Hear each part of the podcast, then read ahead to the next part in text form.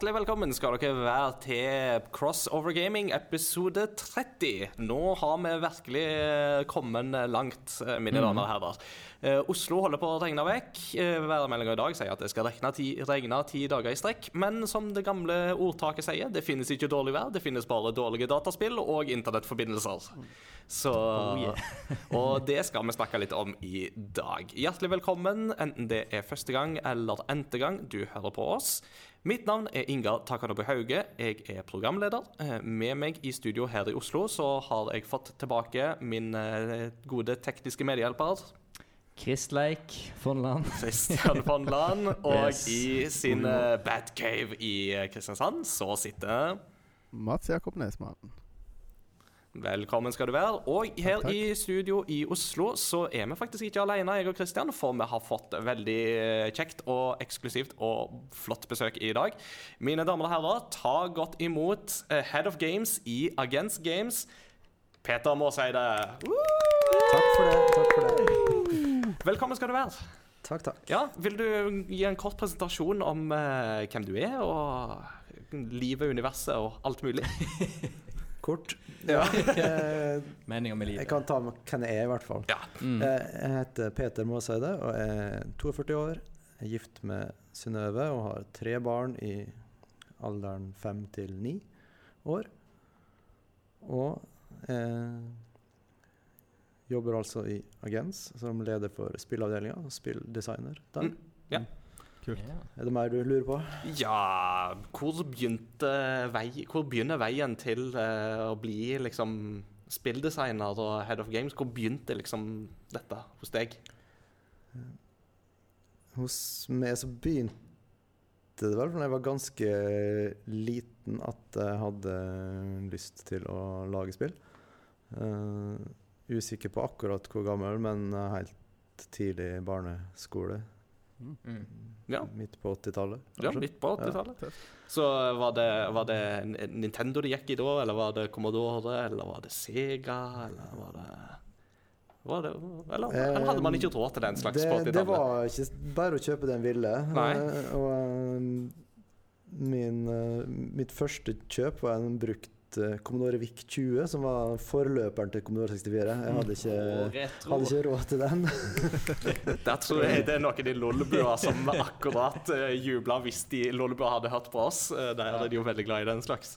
Mm. Så allerede der begynte vi å prøve å Ja, en spilte jo litt spill på den, og kassettspillene ble ødelagt, så vi hadde tre spill på sånn eh, cartridge-kassett, kanskje, Mm. som eh, ble slitt ut. Eh, og, men eh, for å få flere spill, da, så var det jo det å prøve å skrive inn litt sjøl i det basic-systemet som var der. Så det var kanskje der det starta. Det høres jo helt fantastisk ut. Eh, Kult. eh, og, og ungene i dag, får du dem med på laget til å spille noe i dag, eller? Eh, ja, nå er Det er ikke så Det er en viss interesse hos, uh, hos mine, men det er nok mer opptatt av å spille sjøl enn å lage så mye ennå. Mm. Men eh, For gi de en runde med Minecraft eller ti, så begynner vel hvert kreativiteten å flomme. ja, det er mye Minecraft-spilling med Ja. mellomste mann, i hvert fall. Mm, men det, det høres ut som en god begynnelse. Ja. Spiller de Skate City? Ja, de har fått prøvd litt Ja. Skate City. Ja. Det har de gjort eh, opp igjennom. Tok du akkurat og sniktisa dagens tema her, Christian? Ja da, men en liten, uh, liten teaser. En, en liten sneak tease. mm. Vi skal ha uh, halvannen til to timer der vi snakker litt om uh, spill og diverse. Eh, før vi går eh, dit hen, så lurer jeg på om det er noen som har noe de vil dele med klassen eller menigheten, eller hva vi skal definere det som. Eh, Ja. Christian, du var jo vekke eh, og litt sånn, men Ja, det var kanskje ikke så spennende. Det er jo eh, fire uker siden sist, men ja. det var liksom bare Det var jo en fin tur, men Ja. det var jobb. Ja, jobb. Men Så, du skal på eh, Dreamhack du etter hvert, skal du ikke? Neste Ikke den helgen, men neste helg. Ja. Så, eh, så er jobbdagen over fire dager på LAN-party i Sverige. Som jeg tror blir konge. Og så merker jeg òg at eh, jeg tror jeg begynte å bli gammel.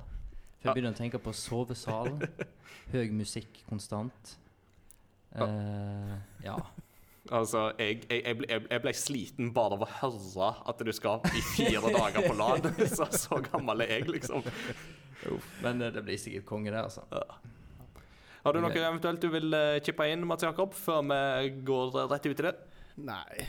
Vi har pussa opp eh, halvpussa opp et bad som eh, skaper litt frustrasjon her hjemme. Men eh, eh, man overlever det meste, tror jeg. Man gjør det. Så lenge, så lenge man får lov å gå på do, så går vel det meste fortsatt. Ja, ja. Så bra. Da tenker jeg at vi kaster ikke bort tida. Vi setter i gang. Vi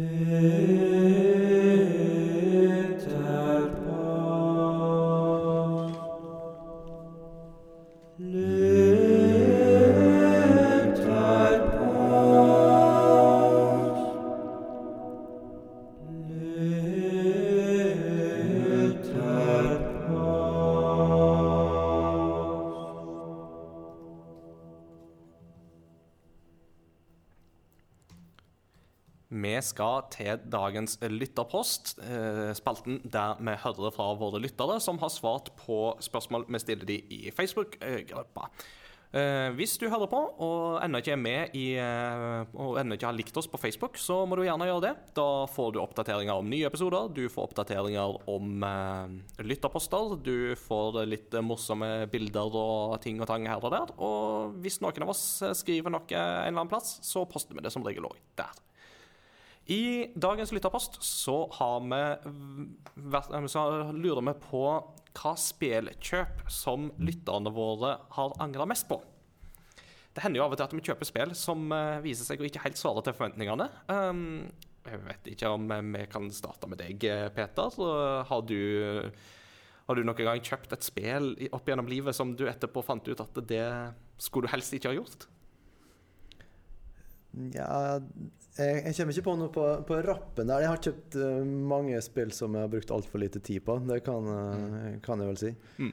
Men uh, jeg tror og Dette høres sikkert rart ut, men jeg, jeg, mitt dårligste spillkonsollkjøp, kanskje, hvis jeg får lov å ta inn det, er nok en Mm. PlayStation 3 som jeg kjøpte for å spille Last of Us, og så stranda i garasje full av zombier. Og så blei den stort sett brukt som DVD-spiller etterpå. og så gikk det mer i Nintendo-konsoller senere. Så det var et litt sånn eh, eh, dårlig utnytta konsollkjøp. Ja. Så, men eh, så, så, lenge du ikke kjøpte den liksom for 6000 ved lansering, så tenker jeg at det var Heldigvis så skjedde det en god stund etter lansering. Ja. Det er jo heldigvis eh, en gode.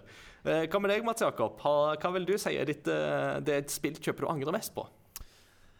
Eh, Jeg vet ikke. Jeg, jeg er litt sånn Jeg setter pris på Jeg samler jo på spill, så uansett om jeg eh, ikke syns det var så gøy som jeg hadde håpet, eller eh, betalt litt mer enn jeg burde, så setter jeg likevel pris på det. Men, men jeg angrer mer på ting jeg har solgt.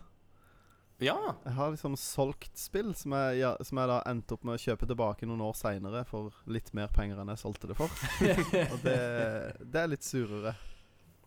Ehm, jeg solgte annet et uh, 8-bit Nintendo-spill for altfor lite. Uh, og så Den jeg solgte det til, solgte det for 700 kroner mer enn det jeg solgte det til den uh, jeg solgte det til for. Yeah. Uh, så det var litt sånn eh, et svakt øyeblikk. Ouch. Husker du tittelen?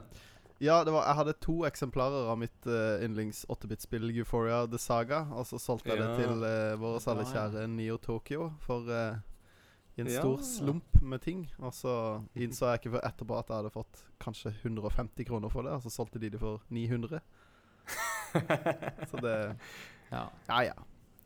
Sånn Sånn er kan det. det gå. Ja. Sånn kan det god gå. butikk for uh, Neo Tokyo, da. Ja. Det er det jo. Og Neo Tokyo er god butikk òg, så ta turen innom. Mm. Disclaimer, jeg jobba på Neo Tokyo i 2013, Ja. så ja. Eh, litt givertjeneste der, ja, ja. kan man opp. Det Ja. er fint, Kristian, hva med deg?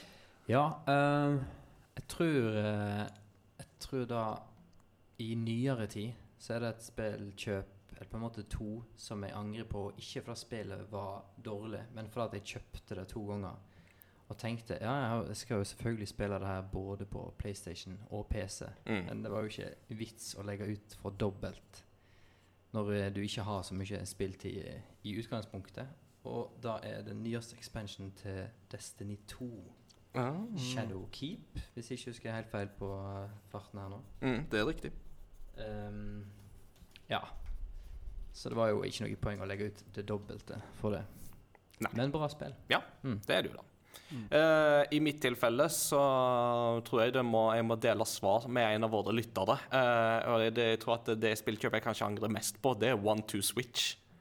Eh, Ja. I likhet med Mats Jakob så samler jo jeg òg på spill, så det er jo klart at uh, jeg er nok kanskje der at jeg har solgt et par spill i ettertid som jeg angrer på enda senere at jeg solgte, men akkurat One Two Switch var jo en av disse her lanseringstitlene på Switch, uh, som jo bare er en bråte med minispill.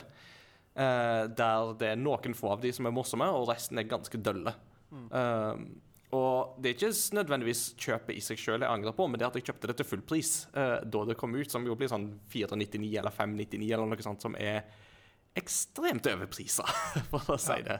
Å si Jeg må få legge til en pluss én på den, for det hadde jeg fortrengt. eh, Det hadde Ja, ja, for, for jeg var liksom der at jeg hadde egentlig fortrengt One Two Switch helt til en av våre lyttere, Espen, skrev det i kommentarfeltet her. Uh, og da var det sånn Ja, vet du hva, det, det er nok det jeg kanskje angrer mest på, jeg òg.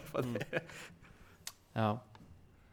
Så men, Du, du har ikke uh, hatt lyst til å spille det der melkespillet flere, mer enn én gang? Nei, det, det Akkurat det var kanskje greit nok, grei nok underholdning. Selv Særlig når du har besøk, men uh, Ja.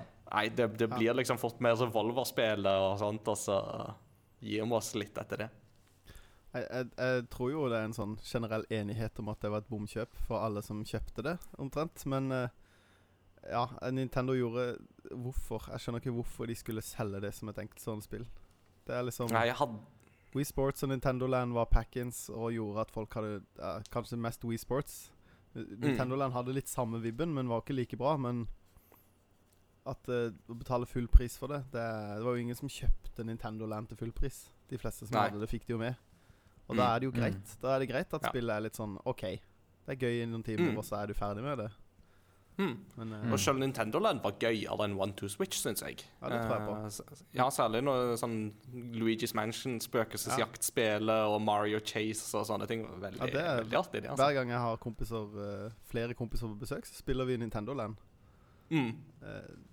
For det er så gøy at det kan faktisk være fem år. At du, det er liksom ikke begrensa til fire. Vi får krysse fingrene for Monita i Super Smash. Ja, det vært, eh, det var gøy. Mm.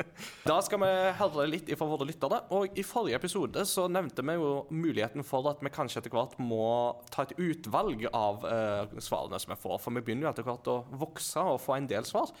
Eh, og det tenkte vi òg at vi nå skulle gjøre eh, denne gangen. Så nå har hver av oss plukka ut et par svar, og så eh, begrenser vi oss til det. Men om vi ikke leser svaret ditt, så betyr det ikke at vi ikke liker det. Så vi setter veldig stor pris på alle som kommenterer. og Blir lest og tatt inn. Alt blir lest og blir bevart i våre hjerter, mm. der vi grunner på det. Dypt. Yes, dypt. Eh, jeg kan begynne med eh, et av mine to svar, som eh, jeg leser begge fra Messenger, som jeg har fått de på. Det første svaret er da fra Kjetil Austad Endal, som har vært gjest hos oss tidligere. Og det han angrer mest på, sier han, er nok ikke akkurat Altså, Det er ikke kjøp i seg sjøl, men at han har forhåndsbestilt nye, store spill før han har lest anmeldelser eller sett Let's Play av spillene. Og han skylder på hype-trainen for det. Um, eksempler på dette er Red Dead Redemption 2 og Dishonored 2. I begge tilfellene var eneren sykt bra, men ingen av oppfølgerne gjorde noe varig inntrykk. Håper jeg kan klare å styre impulskontrollen litt mer i fremtiden. Da kan jeg lese fra Ole Martin Jansen. Jeg tror ganske sikker på det er første gang han skriver. Men han skriver Jazz Jack Jackrabbit 2 var det første spillet jeg kjøpte for mine egne penger. Og da jeg runda det etter bare en uke med intens spilling. Begynte jeg å grine og følte jeg hadde kasta bort sparepengene. Kan jeg skjønne godt. Så han skriver også I nyere tid er det nok Star Citizen, som ennå ikke har kommet ut, og sikkert ikke er ferdig før om fem år. Og jeg, jeg følger med deg, stakkars. yeah. Eh, Eirik Ramsli Hauge Han skriver Få spill jeg angrer på, men ett kjøp, angrer, et kjøp jeg angrer på, var en deal jeg og min ti år yngre svoger hadde. Han er ikke så glad i å lese, men jeg tror han hadde likt det hadde han bare kommet ordentlig i gang. Vi hadde derfor en deal. For hver bok han leste, skulle han få én måned med PlayStation Pluss av meg. Det funka for ei og ei halv bok, men jeg hadde satt på automatisk trekk hver sjette måned og glemt det. Så luringen hadde PlayStation Plus i ett år før jeg fikk kansellert det. uh, av spill uh, jeg vet andre har angra på, men som jeg likte godt, vil jeg dra fram Assassin's Creed Unity. Uh, det kjøpte jeg et halvt år etter release, og da var de fleste bugs fiksa. Fikk dermed nyte det flotte spillet som så mange hadde forlatt. Riktig. Mhm. Og det spillet som jo folk har kommet tilbake til i kjølvannet av eh, Notre-Dame-brannen. Eh, for det har jo da eh, vist seg å være en gyllen mulighet for folk å se Notre-Dame i all sin prakt før det brant ned. Mm. Mm. Så det er jo et eh, For de gjorde ganske, ganske bra gjennomført 3D-scans av Notre-Dame. Ja, de, de pleier å være veldig grundige på det i Mm. det Assassin's Creed-teamet. Det skal de ha. Eh, at eh, Akkurat den biten der pleier de å være veldig veldig dyktige på.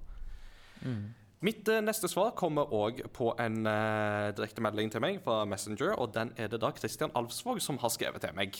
Eh, og det han angrer mest på, var da han som tolvåring oppdaga nettsiden gba250.net.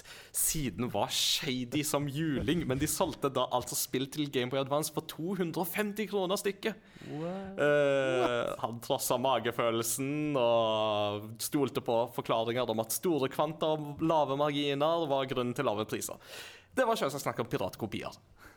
Eh, og det fikk han smertelig erfare da han nesten etter å ha runda Pokémon Sapphire fikk eventyret kutta tvert av med beskjeden 'Your save file is corrupted'. Eh, men, så, men så legger han da til blir, Vil også nevne snipperclips til Nintendo Switch. Jeg var nyfrelst Nintendo Switch-entusiast, og dette var et samarbeidsspill man kunne nyte med sine bedre halvdeler. Nå skulle fruen omvendes til å like dataspill. Det ble med forsøket, for å si det sånn, og spillet ligger der så å si ubrukt og venter på en mer villig samarbeidspartner. Det er et veldig gøy spill å spille sammen men det er litt kort. Mm. Det, det er det jo, så Yes. Mm. Anders Post Bentsen har skrevet Metal Gear Survive, søppel fra A til Å. Yes! Det, jeg fikk jo inntrykk av at det var mange som eh, var litt skuffa. Det var jo ikke akkurat et Metal Gear-spill. eh, i den- Nei, det er jo i- et eh, Det er jo ikke et stealth-spill, for å si det sånn. Det er jo veldig actionorientert. Men eh, Og kort, for jeg har forstått som. Er det ikke et sånn zombie-overlevelsesspill? Ja, da? nei, nå tenkte jeg på Metal Gear Rising. Jeg. Ja, ja, for Metal Gear Rising er jo kjempebra. ja, ja, ja. Uh, Metal Gear Survive, derimot, det er Mm. ja det var jo bare zombie-mode fra Fra eh, Black Ops, var det ikke det, omtrent? Jo, basically. Ja. Så det er trist. Mm. Uh, Sistemann ut her nå, da.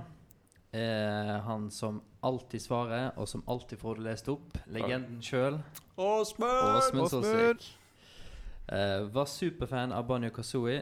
Derfor så jeg veldig fram til Yukalele. Det ble en veldig stor skuffelse. Enten fordi jeg har vokst opp med sjangeren, eller fordi spillet bare var middelmådig. Kan òg nevne at jeg gikk på en smell når jeg skulle kjøpe Spiderman 2-spillet til data. Lite visste jeg at PC-versjonen var et annerledes spill og mye dårligere enn konsollversjonen. Mm. Da var jeg i gamle dager, da. Hvis Ja. du kjøpte et Harry Potter-branda spill, så var det jo et forskjellig spill til Mm. konsoll og til PC. Absolutt. Så du kunne ha spilt det på konsoll hos en kompis, og så ønska du å få det til PC, og så var det noe helt annet. Mm. Det er jo um, et av disse her eh, James Bond-spillene, eksempel, fra den tida det jo òg Om det er Tomorrow Never Dies eller The World Is Not Enough, som jo har utvikla to forskjellige team til Nintendo 64 og til PlayStation. Der Mm. 64-versjonen er visstnok vesentlig bedre enn PlayStation-versjonen. Mm. Fordi de var utvikla så vidt forskjellig. Så man fikk jo ikke samme opplevelsen. Nei. Og nå til dags så får du bare sånn konsolleksklusive limited eh, releases og sånne Ja. ting i stedet. Som kanskje er en litt bedre deal, men fortsatt litt kjipt. Så at, eh, at du har sånne eksklusiv, låste eksklusiver, da. Det, Eller tidseksklusiver, ble det vel hetende. Um, da var det du, Peter, som nevnte i stad en pluss én, og den tror jeg jeg må slenge til Åsmund her. Uh, Yooka-Laylee var òg et sånt spill som jeg husker at det var jeg veldig hypa på og ble skuffa på. Så Ja. jeg syns det var et bra uttrykk. Jeg stjeler den. Den er grei. Ja. Mm. All. Da sier vi takk til våre lyttere, og fortsett med å komme med de gode svarene deres på lytterpost.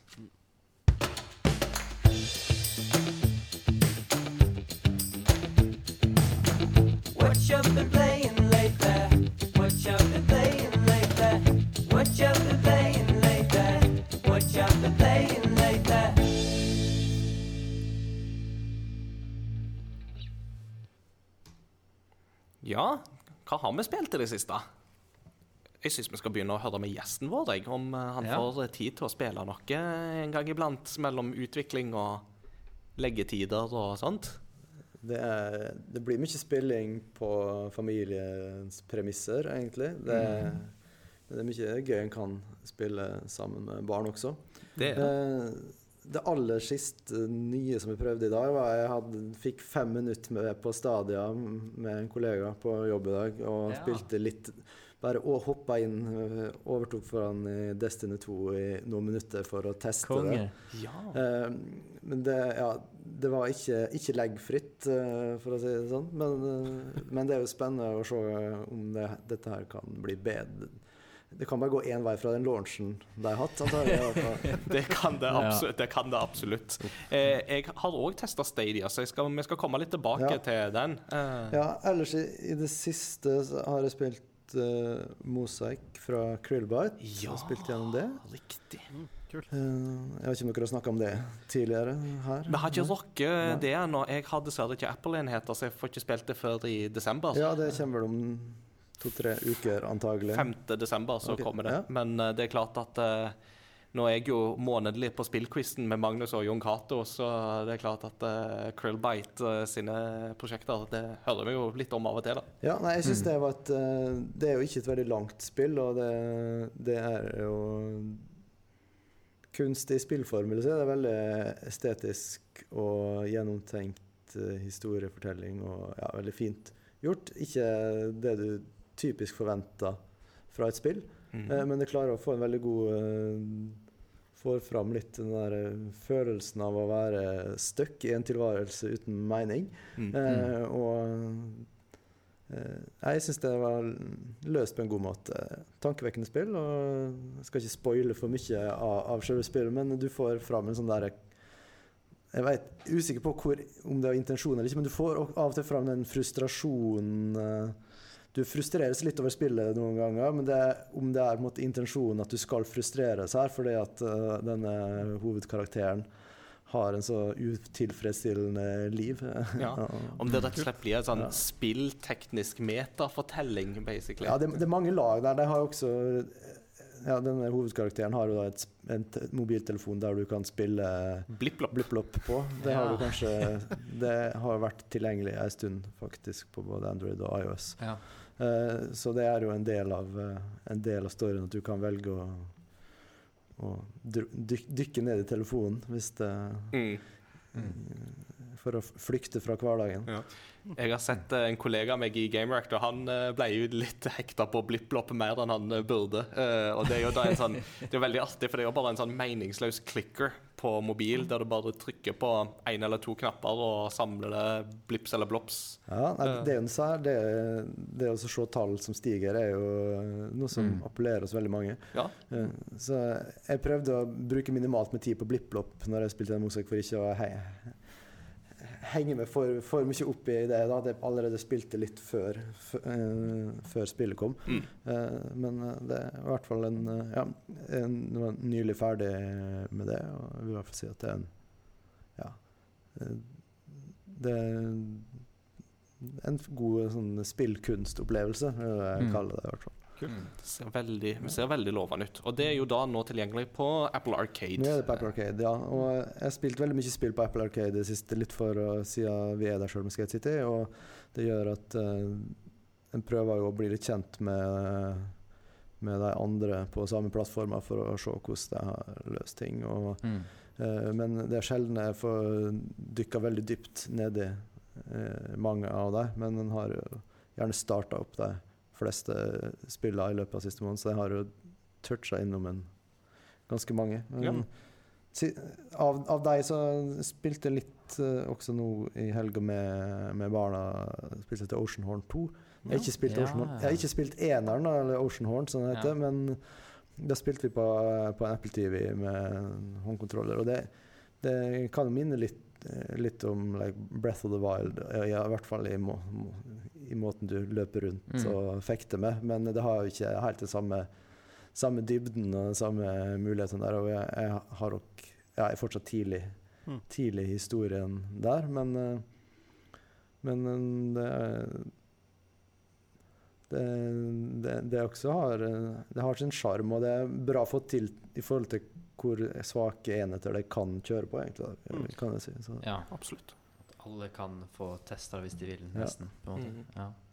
Uh, ja, jeg, jeg har bare spilt eneren, men uh, lykke til du Eller jeg har ikke sett Ocean Own 2, men uh, eneren fikk meg til å tenke veldig på håndholdt Zelda-spill. Uh, at det var litt sånn Ja, eller håndholdt, eller 16-bit. Uh, spill. Det minte meg veldig om det det? Phantom Hourglass. Det er på DS. Siden det er litt Mm. sånn uh, nautisk uh, Litt sånn øyer og Ja. så det, Men det er, det er veldig kult. Det er veldig mm. lik sånn puzzle-greie i dungeons, og jeg syns det er kult. Men eh, åssen er det på toeren? Er det litt sånn mer tradisjonelle dungeons, eller er det litt sånn åpent? Ja, jeg har ikke spilt så veldig langt i det ennå, så jeg har liksom bare holdt meg på, på ei øy foreløpig Mm. og igjen inn i noen. Men det er litt uh, type dungeons det, vel, det virker som de har henta en god mengde inspirasjon fra fra, ja, jeg tenker litt fra Breath of Wild, eller fra Windwaker kanskje også, Mm. litt i, i, i oppbygging og sånn. Men ja, jeg, jeg spilte nylig og ikke rakk å komme, komme langt nok til å kunne gi en sånn full vurdering av det. Nei. nei, det, Mm. Kult. Men eh, veldig spennende å høre om særlig Mosaic, men òg Mosaic, også Ocean Horn 2. Altså. Det, jeg husker det. Ocean Horn 1 husker jeg å ha sett eh, når Mats Jakob nevner det. Så Mm. definitivt interessant. Mm. Mm. Ja, Mats Jakob, hva har du pusla med siden sist? Det vil si, jeg tror jeg vet hva du har pusla med siden sist. Ja, eh, ja, den store spillet jeg har spilt siden sist, er jo Pokémon Sword. Ja. Det har jeg Yes. gleda meg til veldig lenge. Det er lenge siden jeg har uh, hoppa på et nytt Pokémon-spill, når det var nytt. Eller jeg begynte på Pokémon uh, Moon, men uh, der var det Som han, han som lagde Fess, hva er det han heter for noe?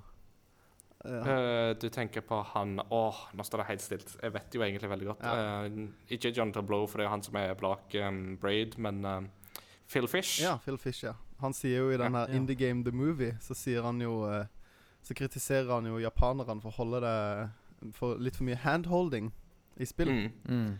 Som var liksom hans Han var sånn anti-handholding i FES, og eh, en av grunnene til at det ble så populært da, tror jeg.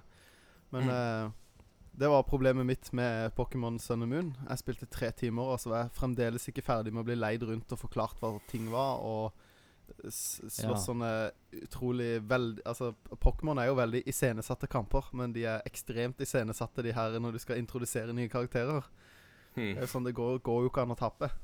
Eller det har ikke noe å si om du taper heller. Det er litt sånn Så jeg orka faktisk ikke. Jeg ga opp etter over tre timer, hvor jeg følte at jeg fremdeles var i den åpningsfasen. Eh, det Vil du si at det er et spillkjøp du angrer på? Eh, ja, det, det kjøpte jeg faktisk to ganger òg. yes, digitalt og så fysisk. Nei, jeg angrer ikke det på det, fordi at eh, det, det ga meg en, eh, en spilleerfaring som ikke var god, men som jeg tror var litt viktig. For jeg kjøpte det litt sånn ukritisk og syntes ikke det var, var Ja, jeg ble plutselig litt mer kritisk til sånne ting, da. Og eh, jeg fikk inntrykk av at det var Før spillet, de nye Pokémon-spillene kom, at det var At de hadde forbedra det. Eh, det virka, Mm. Åpningssekvensen virka bedre, og jeg syns at de avslørte ting i forkant i en, eh, i på en i et godt tempo. Det var ikke sånn der Blæ, her er det masse informasjon om et nytt spill. Det kom liksom litt og litt, og så eh, Fremdeles nysgjerrig på veldig mange av de tingene, da. Men eh, det er jo kjempegøy, for det er jo satt det er jo, først, det er jo satt i eh, England, i gåseøyne. Det er jo, skal jo mm -hmm. forestille det britiske øyene. Mm. Eh, og det jeg syns er stas med Pokémon-spillerne, er jo at de bruker veldig den Altså Når det skal være i England, så er det veldig basert på engelsk eh, eh, natur. Og det er basert på engelsk fauna og engelsk eh, Hva skal jeg si dyre, Dyreliv. Sånn at eh, en av de Ja. vanligste Pokémonene er en sau. Den har alle, og det er litt sånn Det er masse jorder og eh, Det syns jeg er veldig kult. Og det nye store med det spillet her er jo at Pokémon på disse britiske Nå husker jeg ikke hva den øya heter. er at de Galar. Galler heter den, ja. De, alle, der er det sånn at Pokémon Noen Pokémon kan ha en uh, ability som heter Dynamax. Eh, Mm. som gjør at de blir kjempestore og får ekstremt kraftige angrep. Um, og det er, Jeg var veldig skeptisk til det før jeg spilte det sjøl, men det er veldig gøy, for det er ikke i alle kamper du kan gjøre det. Det er litt sånn større kamper og gymkamper. Mhm. Eh, sånn at det er ikke alltid du kan bruke det. Og, eh, og det er ikke sånn at du må komme til level 50 før du kan bruke det. Du kan finne en Pokémon som kan bruke Dynamax med, Eller den starteren du får, kan Dynamax fra nivå 5. Mm. Um, så det syns jeg er veldig kult. Og så liker jeg Syns mange av de nye Pokémon-designene er kule. Um, Ja. Og de, jeg Du har jo en sånn, rydda opp i litt sånn sånn mm. Ja, Du har en sånn corgi- corgi-pokémon, har jeg sett. Ja, det er veldig mye festlig. Eh, men eh, de eh, De har også noen sånn Jeg vil ikke kalle det raids, men det er litt sånn Du kan finne sånne eh, hotspots for sånn Dynamax-Pokémon, som er- ser ut som bare sånn brønner. Eh, og når du skal ta de, så kan du slå deg sammen med tre andre, og da kan man slå seg sammen med tre venner. Så man kan på en måte raide sånne Dynamax uh, dungeons sammen, da. Uh, mm. Men man kan også gjøre det med, med bare uh, NPC-er også. Mm. Eh, nei, så jeg, jeg syns det er kjempegøy. Jeg har spilt 10-12 timer, så det er jo ikke Ja. langt i et Pokémon-spill. Men eh, jeg føler allikevel jeg har fått en god følelse på spillet, og jeg kommer til å spille masse mer. Mm. Eh, bortsett fra det så har jeg spilt uh, Pikmin 1 på GameCube. Ja. Uh, Yeah. Det er kjempegøy. Det spilte jeg aldri når uh, Når det var nytt. Jeg spilte aldri Pikmin 2, og jeg har heller ikke spilt Pikmin 3, så jeg er glad for at jeg nå begynner på eneren. For at Ah. hvis jeg hadde gått rett på Pikmin 3, så tror jeg kanskje det her hadde vært litt vanskelig å spille. Um, uh, ikke nødvendigvis. Jeg tror jeg hoppa ganske rett inn på Pikmin 3 da jeg anmeldte det for Game Reactor back in the day, og jeg tror stort sett det gikk ganske fint, altså. ja, jeg tenkte at det var vanskelig å spille Pikmin 3, og så gå tilbake til Pikmin 1. Ja, ja, ja, riktig. at, Det, eh, det kan jeg Det er greit å begynne der det starta, og så heller få Mm. ekstra de, eh, ut, Følge utviklinga i spillene. Riktig. Riktig. Uh, og så har jeg spilt litt Skate City. Eh, Ah. Takk for det. Ja, det Yes. Nei, det Ja, kos meg med det. Jeg er jo gammel skater og ihuga Tony Hawks Pro Skating-fan. Uh, så det, jeg syns det er kjempegøy. Uh, det, kan vi jo snakke med, det skal vi jo snakke litt mer om seinere, men eh, Det skal vi, vet jeg liker det skikkelig godt. Mm. Nice. All right. Eh, Christian, da kan vi jo gå runden. Uh, jeg liker Skate City enda bedre enn Mats Jakob. Eh, Nei. Men eh, jo, Skate City pluss én der. Nå har jeg lært meg det uttrykket. ja. Det er veldig, veldig gøy. Jeg har spilt det sammen med en eh, kar som jeg er onkel til, og han er seks år. Og han ble helt oppslukt og bare tok bane på bane på bane. Så det var Jeg fikk ikke prøvd det så masse sjøl pga. det, men Viktig å lære opp neste generasjon. Ja, du. Hyggelig å høre. Ja, men uh, det virker så langt veldig kult. Uh, men det jeg har brukt mest spilltid på, er to spill. Uh, nå husker jeg ikke Nå var ikke jeg med i forrige episode, men da tipper jeg kanskje du, Ingar, snakket om Outer Worlds. Det er riktig. Uh, Outer Worlds har vi snakket, eller har jeg snakka masse om i alle fall Ja. allerede. Så fortsatt tommel opp for meg. Ja, det, er, det var ett punkt i det spillet sånn relativt eh, Ja, du må kanskje sånn fem-seks timer ut, hvor du eh, nærmer deg um, ferdig med kanskje liksom hovedoppdraget på første planeten. Um, jeg skal ikke si hva, liksom, hva oppdraget er, og hva valgene dine er, men, um, men da falt jeg liksom pladask for det spillet. Ok, Mm. nå var liksom det her noe unikt. da for det er liksom i klassisk i et liksom rollespill som det her er, og som er dialogbasert, så får du sånn klassisk en situasjon at liksom OK, du kan hjelpe enten den eller den. Og da er det sånn OK, da tar jeg en quick save rett før. Mhm. Og så tar jeg det ene valget som jeg tror er riktig, eller det beste valget. Og så snakker jeg Gir jeg liksom Velger jeg å hjelpe disse her, og så går jeg går gjennom noen samtaler, noen hendelser rett etterpå, så tenker jeg bare Shit, det her var jo ikke bra. Jeg valgte feil. Og så loader jeg til den quicksaven. Tar det andre valget, velger å hjelpe noen andre. Og så er det fortsatt en negativ konsekvens. Altså det, det er liksom det lader negativt, da, for at de du først møter på, er de det var kjipt for. Mm. Og så tenker jeg bare shit, så fælt, men så utrolig kult. Og så Mm. valgte jeg bare å spille videre på det siste valget jeg hadde gjort, for jeg gadd ikke gå tilbake i det en gang til.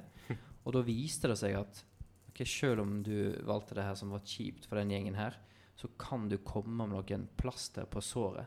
Noen sånne oppfølgings-sidequest. da. Mhm. Sånn at ja, OK, det var kjipt at vi ikke fikk det der, men konge at du hjalp oss med det og det og det. Og så ble det litt sånn Det ble ikke så polarisert eh, resultat, på en måte, da, for å si det veldig fancy.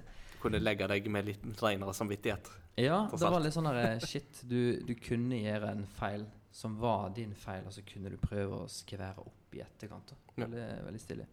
Så det er konge, men det er et langt spill. Er du ferdig med det? Jeg er ferdig med det, ja. ja. det er jo masse på tapetet nå i oktober-november, så jeg må liksom bare på en måte komme meg gjennom ting. Ja, jeg skal på et LAN-party i Sverige neste helg, som sagt. da kan jeg få klokka inn resten der. Men uh, da jeg har spilt aller mest i det siste Jeg har jo egentlig hatt null spilletid, men jeg har lagt meg ekstra seint, stått opp ekstra tidlig, uh, for å få klokka inn en del timer i Bam, Star Wars bam, Jedi bam, bam, Fallen bam, Order. bam, bam. Yeah. Og da har vel du òg, Ingar, spilt? Yes, jeg har spilt det ferdig. Jeg spilte det ferdig på en helg. Yes. Såpass, ja. Og det er vel, eh, det er vel litt sånn um, Dark Souls eh, meets Star Wars på mange måter?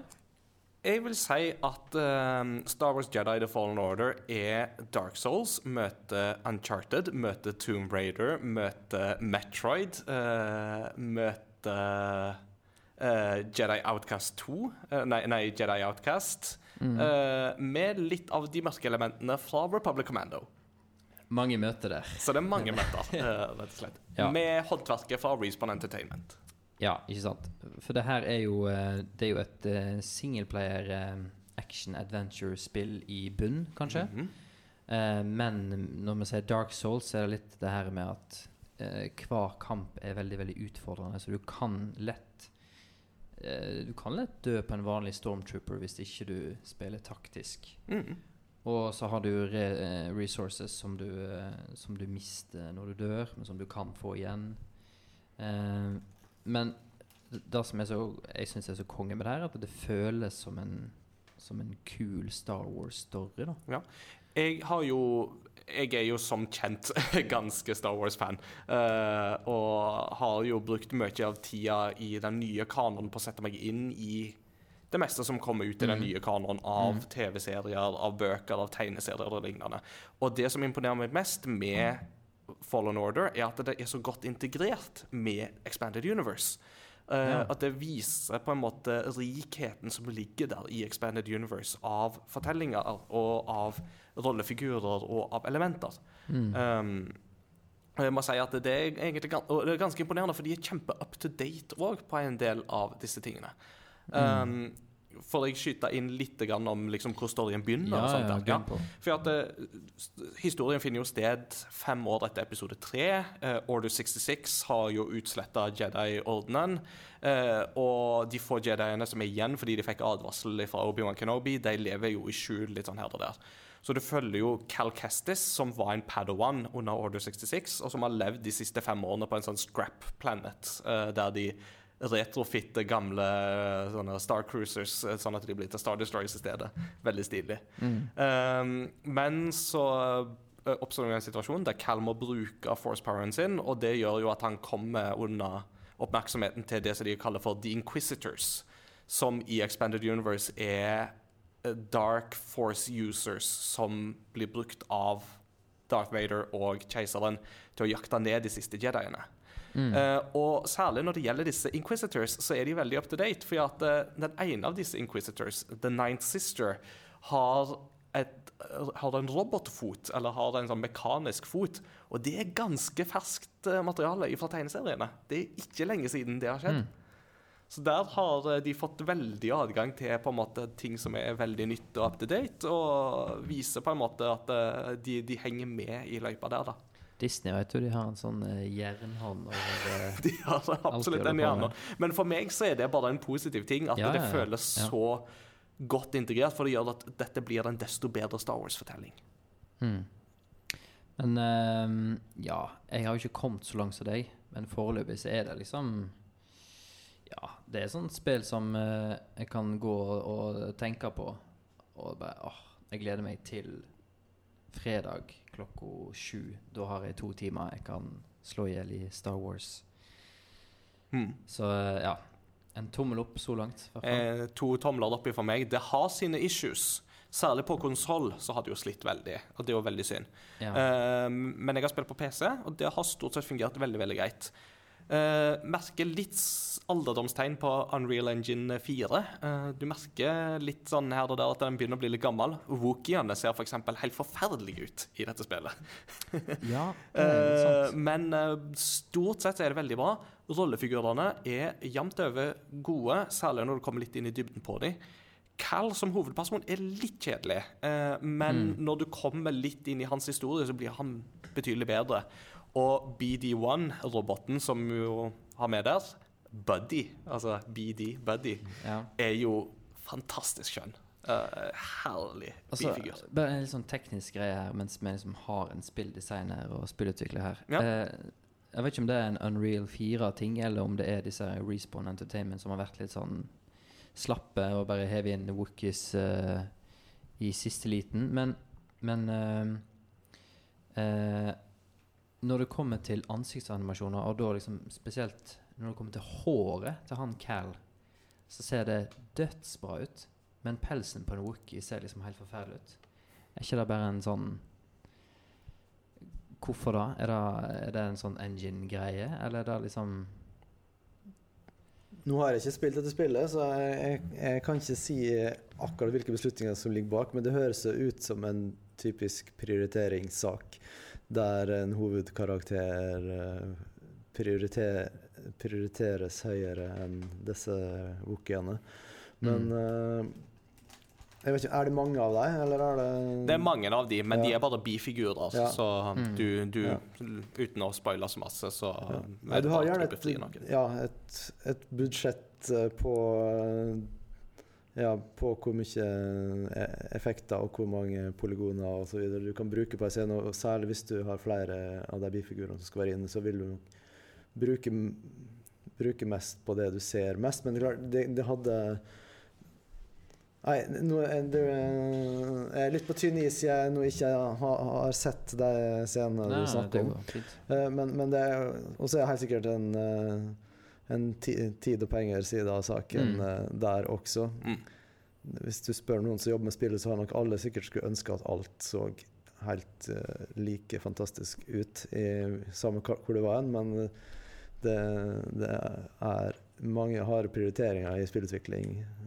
Du har ikke en knapp hvor du kan trykke på den skin der at 'dette er pels', og der, derav skal blafre i vinden. Det er liksom ikke så enkelt å i en real Eh, ja, det, det, det finnes nok løsninger der det kan være så enkelt, men eh, den enkelheten vil nok komme ved en pris igjen. Da, at den vil være hard, tung, tungdreven igjen. Det er også Ja. få det til å se fint og kunne og, og ha mye av det. ja. Eh, det, det er mer en utfordring. Men ja. Jeg mener jo mm, Nå, nå skyter jeg litt fra hofta her, men jeg mener jo at f.eks. i Horizon Zero Dawn så har jo hovedpersonen Aloy har jo ganske stilig hårfrisyre og sånt. Og der mener jeg at eh, de har brukt veldig mye ressurser på å animere hvert bidige hårstrå. Så der vet jeg at der har de måttet gå inn og gjort veldig mye arbeid Mm. på det, men det var da noe som de valgte å prioritere fordi de ville at hun skulle se mest mulig levende og Mm. realistisk ut. Uh, nå husker jeg jo ikke hva motor den, det spillet er lagd i, men eh, Så, Samme ja. som Death Stranding, i hvert fall. Ja. Men husker ikke hva han heter. Uh, men liker du kampsystemet, da? I, um, Ja, jeg syns faktisk uh, i starten når uh, For du har jo et skill-tre i det spillet her, hvor du liksom unlocker forskjellige ja, Både oppgraderer force powers og unlocker forskjellige typer angrep. Og så syns jeg kanskje det Det så kult ut i starten, men så ble det fort eh, en følelse av at du har veldig lite du kan gjøre i kampene. Mm. Men da bedrer seg jo jo mer du låser opp, da. Ja. Men kanskje det var et sånn punkt sånn når du er 10% 15% ut i spillet som er litt sånn Kan bli litt tørt, kanskje? Heldigvis så kommer det jo mer inn etter hvert. Og jeg syns de Mm. forklarte det godt med at eh, nå har jo Cal levd liksom skjult fra kraften og ikke brukt kraften på mange år. Eh, og Utrent igjen. Ja, liksom. så han må på en måte komme tilbake igjen. Altså remember all teachings, rett og slett. Og Ja. Huske tilbake. Så um, veldig spennende sånn sett. Mm. Eh, jeg er jo blant de som på en måte Jeg har jo alltid lik, eller jeg likte jo veldig godt Sekiro da jeg prøvde det tidligere i år, men jeg syns at den vanskelighetsgraden ble jo litt for tøff for meg, rett og slett. Den krever for mye av meg rent mentalt sett. Mm. Men sånn sett så syns jeg at det systemet som du møter her, er mye Altså for meg så er det bedre, fordi det er det, det, altså, det koster fortsatt å feile, men terskelen for å prøve å feile føler jeg er mindre. Mm. Den er lavere i Mm. Fallen Order. Eh, og det at du har justerbar vanskelighetsgrad, hjelper jo òg på.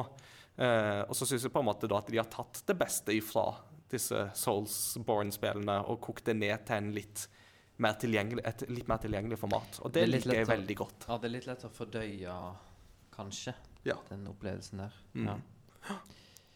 Og ellers så må jeg bare òg skyte inn, uten å spoile noen ting, at slutten på dette spillet er Det er amazing. Okay, det er kult. chills. Kult. Så sykt Tøft. gøy. Yes. Har du lyst til å ta over med dine spill? Ja, det kan vi jeg jo gjøre. Star Wars er jo det som har tatt mesteparten av tida mi. Um, og akkurat nå, i disse dager, så jobber jeg faktisk med å spille Shenmue 3 eh, for, um, for Game Reactor. Som jeg håper har en anmeldelse klar sånn omtrentlig når denne episoden kommer ut. Um, Ca. ni timer ute eh, nå.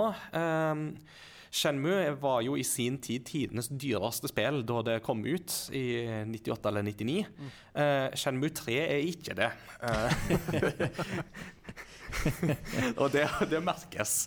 Uh, det er veldig synd å på en måte se at uh, denne arven som Shenmue 3 bærer på, klarer liksom ikke spillet helt å leve opp til når det gjelder i alle fall rent på en måte teknisk sett.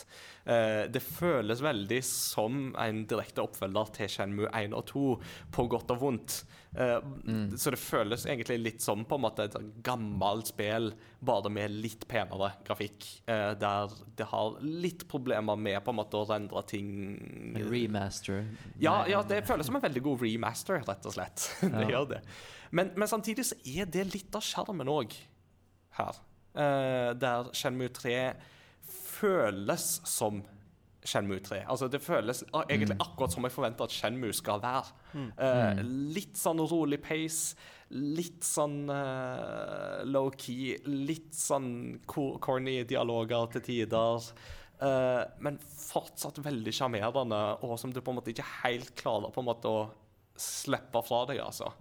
Eh, og, forts- og historien fortsetter jo der du slapp. Du er med Dio i indre Kina, der eh, du fortsatt er på jakt etter din fars morder. Eh, og du skal finne ut av et sånt mysterium som er knytta til to sånne steinspeil som du jo fant eh, i din fars dojo, og som han ble myrda over. Spørsmål. Eh, hvor mange år var det mellom to og tre, sa du? Eh, det sa jeg ikke, men det er da 18 år siden 203 kom ut. Så i løpet av, i løpet av denne tida så har For å si det sånn, hvis du ble født den dagen Shenmue 2 kom ut, så er du Altså, vi snakker om da en alder Altså, de som ble født da, de kan nå stemme. Eh, de Mm. kan eh, holdt på å si, kjøpe alkohol. De kan eh, egentlig De er myndige, for å si det Men- sånn. De Men vil det si at de som da Ja. Ja, de som da var veldig fan av toeren, har venta 18 år på en cliff... Det er en cliffhanger som Ja. har liksom vart i 18 år. Ja, det er riktig. Faren din dør, og så bare Må du in real life vente 18 år før du Ja, det er jo mest egentlig dette med at det er jo dette mysteriet med disse to speilene da, som er på en måte det store her. For du spiller Det første Shenmue begynner jo med at du vi, blir vitne til farens mord av en eh, kampsportekspert, Laudi, eh, som han heter. Og det er jo Mm. hele tida jakten på Laudi som på en måte driver Ryo i denne eh, kampsportsagaen, da. Mm. Eh, så eh, Men tida står stille der. Det, det, du, har, du har ikke blitt 18 år eldre? Nei, vi er fortsatt på 80-tallet. Eh, så Og det, fortsatt liksom alle disse her, på en måte tingene som, er for, som en forbinder med det. Eh, det var jo f.eks. et spill som var tidlig ute med å inkludere emulering av gamle Sega-spill, f.eks. Uh, der Ryo går på Arkaden og spiller gamle Sega-spill. Eh, hvis du leter i husene til folk, så kan du finne en Sega Saturn, f.eks. Som jo er en anakronisme, for Saturn kommer jo ikke ut før seinere. Men eh, fortsatt litt sånn stikk til på en måte at Sega er veldig sjølbevisste i denne utviklinga. Og disse tingene er der fortsatt. Så mm. Mm. Men, men, men det skal jeg si før jeg går videre, er Mhm. at uh, grafikken i Shenmue 3 er litt stilig fordi den, den klarer å videreformidle den gamle looken på en god Ja. måte, samtidig som at det ikke ser altfor gammelt og stygt ut. Um, jeg glemte hva jeg skulle si. Sorry. Du glemte hva jeg skulle si. Jeg kommer på det. Skulle du si noe, Christian? Nei, Nei. Uh, jeg òg glemte hva jeg skulle si. Så det er Shenmue 3. Uh, anmeldelse forhåpentligvis klar uh, når denne episoden er ute. Um, ja, Nå nå det. kom du på hva du skulle si. Uh, er det Sega som har lagd det nå også? Det er vel Sega som i alle fall gir det ut, men jeg tror det er eh, et selskap som heter Ysnett, som eh, gir dette ut. Eh, så det er ikke på en måte Sega sentralt, men at det er mer en underavdeling eller noe der han Yu Suzuki, skaperen ja, ja. sjøl, er involvert. da. Så, så det er fortsatt Yu Suzuki sitt spill. Ja. Det, det er det. Men om det på en måte Sega er like involvert, det er nok vanskelig å si. Men har Mm. Yu Suzuki laget noe særlig spill siden eh, Nei. Shenmue 2 kom, kom Eh, ut? det gjorde jeg òg Så han har jo ventet Ja, da er det jo kanskje ikke så rart at At det føles som det har stått litt stille òg. For det har kanskje stått litt stille for utvikler eller hovedpersonen bak. Eh, mm. Mm. Jeg tror absolutt at det er nok litt tilfelle. Men uh, samtidig så tror jeg det òg handler om å på en måte Dette er et spill for fansen. Det tror jeg vi ikke kommer unna. Um, det, blir vanskelig, vanskelig for nykommere å hoppe inn i Shenmue 3, tror jeg. Ja. Uh, men fortsatt interessant. Absolutt. Kan du spille en eller toeren på nyere konsoller nå? eller? Ja, de kom ut i en sånn eh, HD-pakke i fjor eh, som var sånn helt OK, eh, men som hadde litt issues, annet med lyden, så var ikke den så veldig, veldig bra re- Mm. Jeg snakket om det her eh, for et halvt år, eh, nesten et års tid siden, og jeg skildrer det som at det er som at eh, de alltid holder foran munnen, eh, holder foran munnen sånn og nesten snakker gjennom en trakt. Eh, og det er ikke så bra i en ny versjon av et spill. Så hadde du egentlig lyst til at det skal høres litt bedre ut enn det. Komprimert lydfil, da, som ikke Mm. er ja, Ja. MP3-versjon istedenfor Vov. Noe sånt. Mm. Mm. Men før vi gir oss med del 1, så har jeg spilt en siste ting òg som jeg vil snakke litt om. Og det er at jeg har vært på besøk hos Google og testa Stadia. Eh, Yeah. Det fikk jeg lov til. Um, for det første, jeg kan bekrefte at eh, på Google sine kontorer så har de godteskuffer der du kan gå og forsyne deg akkurat hvor tid du vil. the, the rumors are true. Så det var veldig gøy. Eh, jeg fikk lov å teste Stadia i en um, kvarter times Kvarter, sier jeg. Tre kvarter times tid. Mm. Um, og fikk da testa egentlig litt sånn De hadde vel seks spill som var tilgjengelige for meg akkurat da, så da testa jeg først det som heter Gylt, som da er et, det eneste eksklusive spillet de har på Stadia. Og så testa jeg litt Mortal Kombat 11 og litt Destiny 2. Um, og For å begynne med det siste, så merka ikke jeg like mye til lag og problemer uh, som det du nevnte tidligere. Nei, det var på wifi vi satt også, så Ja. det, skal, det må være nevnt. Så. Ja, ikke sant? Og jeg satt på Google sitt hovedkontor, så det er også sånne ting som må være nevnt. Det Eh, hadde vært kleint hvis det var latency hos Google òg, uh, kanskje. Ja, ikke sant? Du satt oppå serveren. Omtrent. Kobler kontrollen rett inn. Ja. eh, så, for å på en måte mm, ta liksom litt av det der tekniske rundt Stadia, for de som ikke kjenner til det, så er jo dette på en måte det du får når du kjøper Stadia. Du får jo en kontroll, og så får du en Chromecast Ultra. Eh, og det er basically det du skal på en måte trenge for å spille Stadia. Uh, selve spillene ligger jo på servere hos Google, eh, og så er det jo da at du betaler eh, for hvert enkelt spill som du da vil spille. Um, og så er det da at um, enten så kan du da betale for en pro-løsning, der du betaler 99 kroner i måneden for bedre uh, hastighet, eller eh, be, um, Hvis du betaler 99 kroner i måneden, så får du da Mm. mulighet for å strømme dette i 4K, uh, 60 frames per second, uh, med 5.1 lyd og, og et par andre sånne eksklusive ting og tang. Eksempel Destiny 2 er kun tilgjengelig på denne pro-løsninga. Mm. Um, Mm. Eh, altså, det, og gi- gimmicken her er jo det at spillene vil jo på en måte aldri ha sjøl. Det er det Google som har hos seg. Så med en gang du har kjøpt det, så kan du begynne å spille det. Eh, og Google vil jo da ta seg av alt av oppdateringer og sånne ting underveis. Og jeg må helt ærlig innrømme, etter å ha brukt godt over to timer på å laste ned Modern Warfare eh, på 130 gigabyte, og så måtte oppdatere det etterpå, som igjen tok en time, så skjønner jeg appellen med Stadia, med å bare kunne spille umiddelbart. Mm. Uh, funker teknologien? Ja, det gjør den faktisk. Det er en teknologi som under optimale forhold fungerer. Uh, men den store caveaten her er at eh, Stadia har litt for mange ting som er litt sånn etter hvert. Uh, for eksempel, ja da, det skal komme flere spill etter hvert. Det skal komme denne gratisløsninga som ikke krever at du betaler 99 kroner i måneden, etter hvert. Eh, du kan spille på alle Chromecast Ultras etter hvert. Eh, På nåværende tidspunkt så kan du kun spille med den Chromecast Ultra som følger med.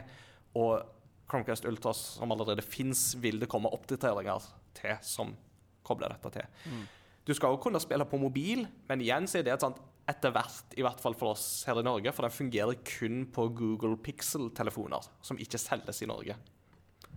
Um, så det, og og eh, dette med på en måte optimale forhold krever jo egentlig òg at du spiller det på en Chromecast Ultra som er kobla til eternettkabel. Eh, altså ikke bare ren wifi, eh, men da faktisk kabler. Mm. Mm. Så det er litt mange sånne småting her og der altså, som er på en måte eh, gjør at dette er en tjeneste som når den nå lanseres, så føles den dessverre litt for forhasta. Eh, Mm. Det føles som at det her, de, de er definitivt inne på noe, og dette kan bli veldig spennende etter hvert, men akkurat nå så mangler det litt for mange ting, og det er litt vanskelig å skjønne hvem dette er for, egentlig. Uh, Jeg, jeg husker jeg var litt sånn uh, spent på Som litt sånn grafikk-nerd, så husker jeg at det liksom Når de drev skrutt av disse terraflopsene er Kraftigere enn en Xbox One X og PS4 Pro satt sammen. Og så har Red Dead 2 nett kommet til PC. Og så tenk, da tenkte jeg liksom Oi, ok, men da er det jo Da klarer de å pushe PC-versjonen. Men eh, det virker som det liksom er samme innstillingene som Xbox One X. Og da liksom Har de mista litt dalsalgskortet òg, da? At her er en versjon som ser finere ut enn konsollene? For da gjør han jo kanskje ikke det. ikke sant? Uh, Mats Jakob? Ja, jeg, jeg, jeg, altså, jeg skal si Mitt store problem med det her da er jo virkelig ikke i målgruppa for dette. Uh, men uh, mitt store problem er jo litt sånn der eh, Google har en historie med å være ganske raske med å liksom forsømme prosjekter som ikke fungerer fort nok, syns jeg, da.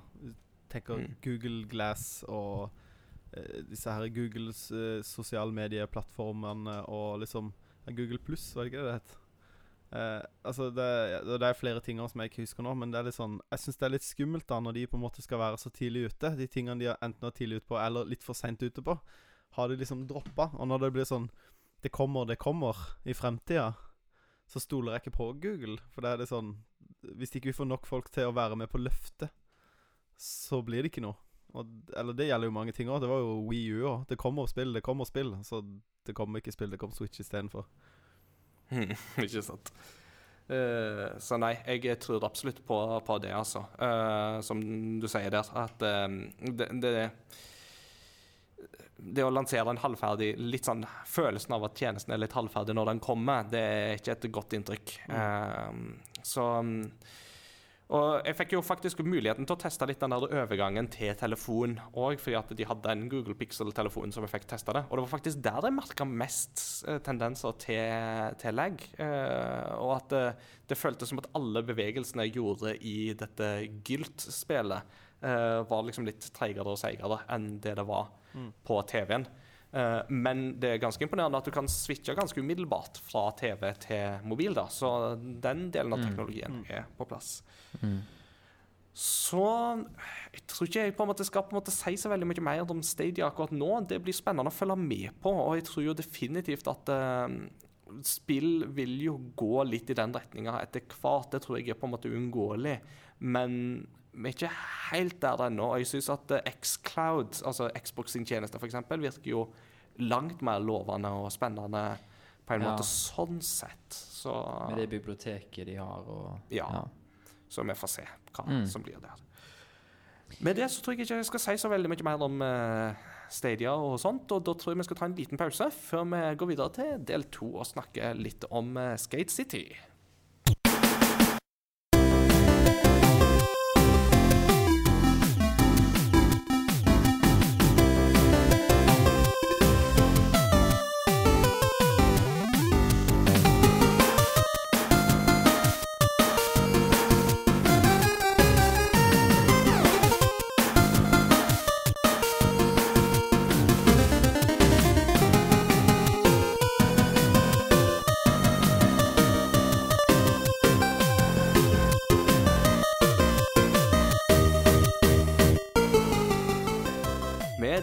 Så er vi klare for del to av podkasten, der vi skal snakke litt om eh, Skate City. Dette eh, spennende norske spillet som er tilgjengelig på Apple Arcade. Yeah. Eh, men før vi går så langt, så er det bare en bitte liten seksjon med litt kunngjøringer. Den første er jo at Xbox hadde jo en sånn live, eller en sånn presentasjonsevent, Xbox Inside. Mm. Eller er det Inside Xbox? Jeg glemmer. Jeg, Inside Xbox. Inside Xbox.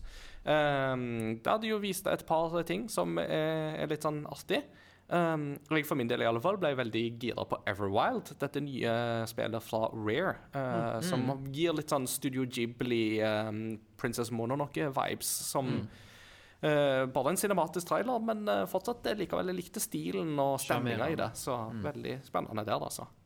Det blir spennende å se. Mm.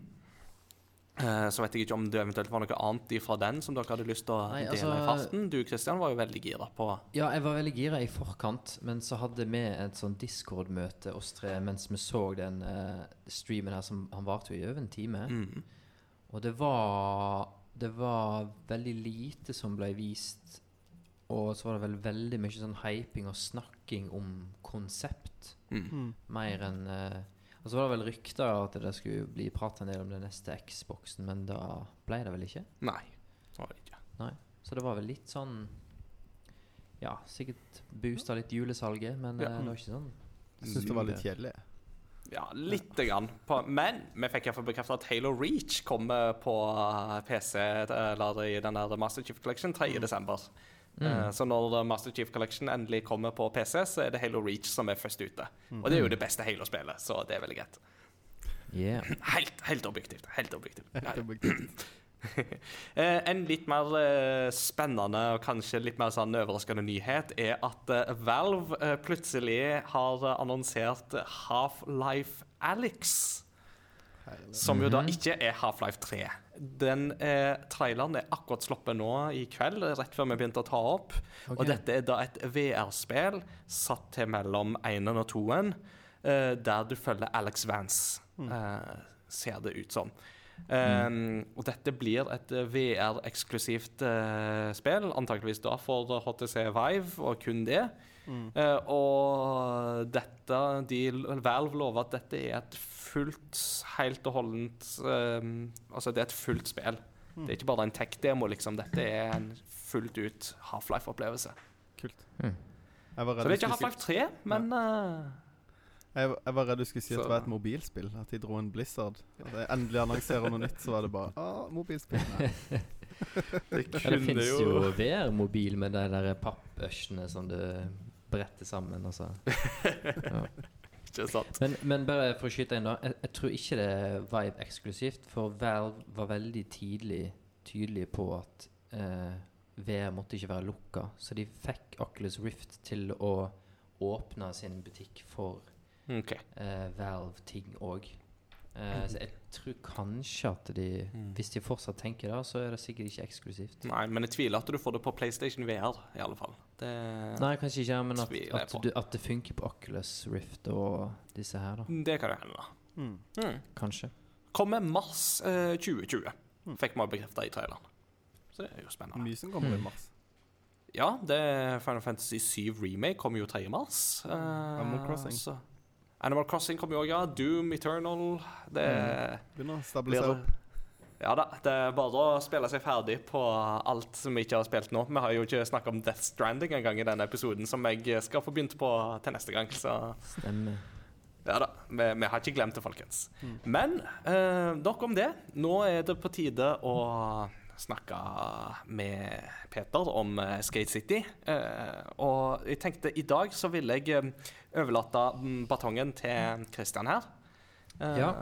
Og Christian er jo definitivt den av oss tre som har mest programmeringserfaring, og liksom veldig på den der game develop-fronten, så er det absolutt Christian her som er mest i tet. Så da tenkte jeg at du, Christian, skal få lov å ta over litt. Grann. Ja, altså Julaften den kom tidlig i år. Nå har vi fått besøk av en vassekte spillutvikler, så det her er veldig, veldig spennende. Eh, vi har eh, notert oss en del spørsmål, og så kan det være samtalen går en helt annen vei. Men eh, vi kan jo begynne på toppen av den lista her vår, da. Eh, hva og hvem er agens, for de som ikke har hørt om agens før? Ja, det er ikke nødvendigvis et veldig enkelt svar på det spørsmålet, men på Hvis vi skal si på hvem det er, så er det er 45 ansatte. eh, Der fleste jobber da på hovedkontoret vårt her i Oslo på Rosenhoff. Og vi har en avdeling i Grimstad, og nytt av høsten er at vi også har en liten bergensavdeling. Ja, Eh, kult. og som eh, Og vi har eksistert eh, siden 2005, eh, den formen som vi er nå, men da var vi mye færre. Eh, vi, vi jobber en, innenfor en del forskjellige felt. Der er er leder for spillavdelinga og jobber bare med spill, men Agens eh, som selskap jobber hvis vi skal sette et slags felles ord på det, så er det kanskje brukeropplevelse. Det er kanskje vi definerer som noe. Det er en del design og utvikling og rådgivning rundt mobil- og applikasjonsutvikling.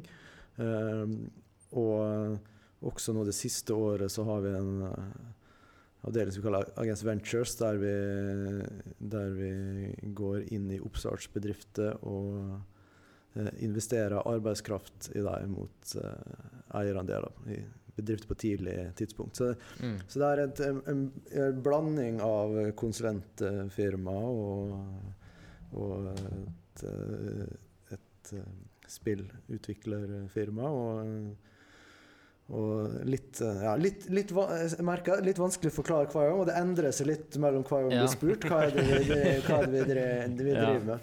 Men var du med fra starten, i 2005? Jeg har vært med fra starten av, så jeg var en av eh, de eh, som, som starta i, i 2005. Founding Så- father. Ja. Men da uh, um, hva, var, hva var din vei inn i liksom Du nevnte med at når du var ung med den Commodore Ikke 64, men VIC 20. VIC 20. At du allerede der begynte litt med programmering og ødelagte kassetter som gjorde du måtte lage egne spill. Hva, har, du, har du studert uh, spilldesign eller spillutvikling, eller hva er bakgrunnen din? Sånn? Ja, jeg kan si Det har vært litt eh, bare sånn, sånn i type eh, ungdomsskoletida, så prøvde en bare å lære seg ting sånn litt på egen hånd. Mm. Eh, så ble, lå det litt sånn eh, litt dødt uh, ei stund, men eh, når, rundt studietida så ble jeg veldig gira på å begynne å lage spill igjen, og særlig webspill var, var litt sånn up and coming uh, rundt uh, år 2000, i hvert fall. Du snakker med 1, 2, 3-spillperioden. Ja, Flash-spill i Mm, nettleseren. Eh, og eh, det var veldig Du kunne distribuere ting veldig raskt ut til veldig mange, Mm. og det var gode verktøy som eh, der du kunne lage ting fort. Og Mm.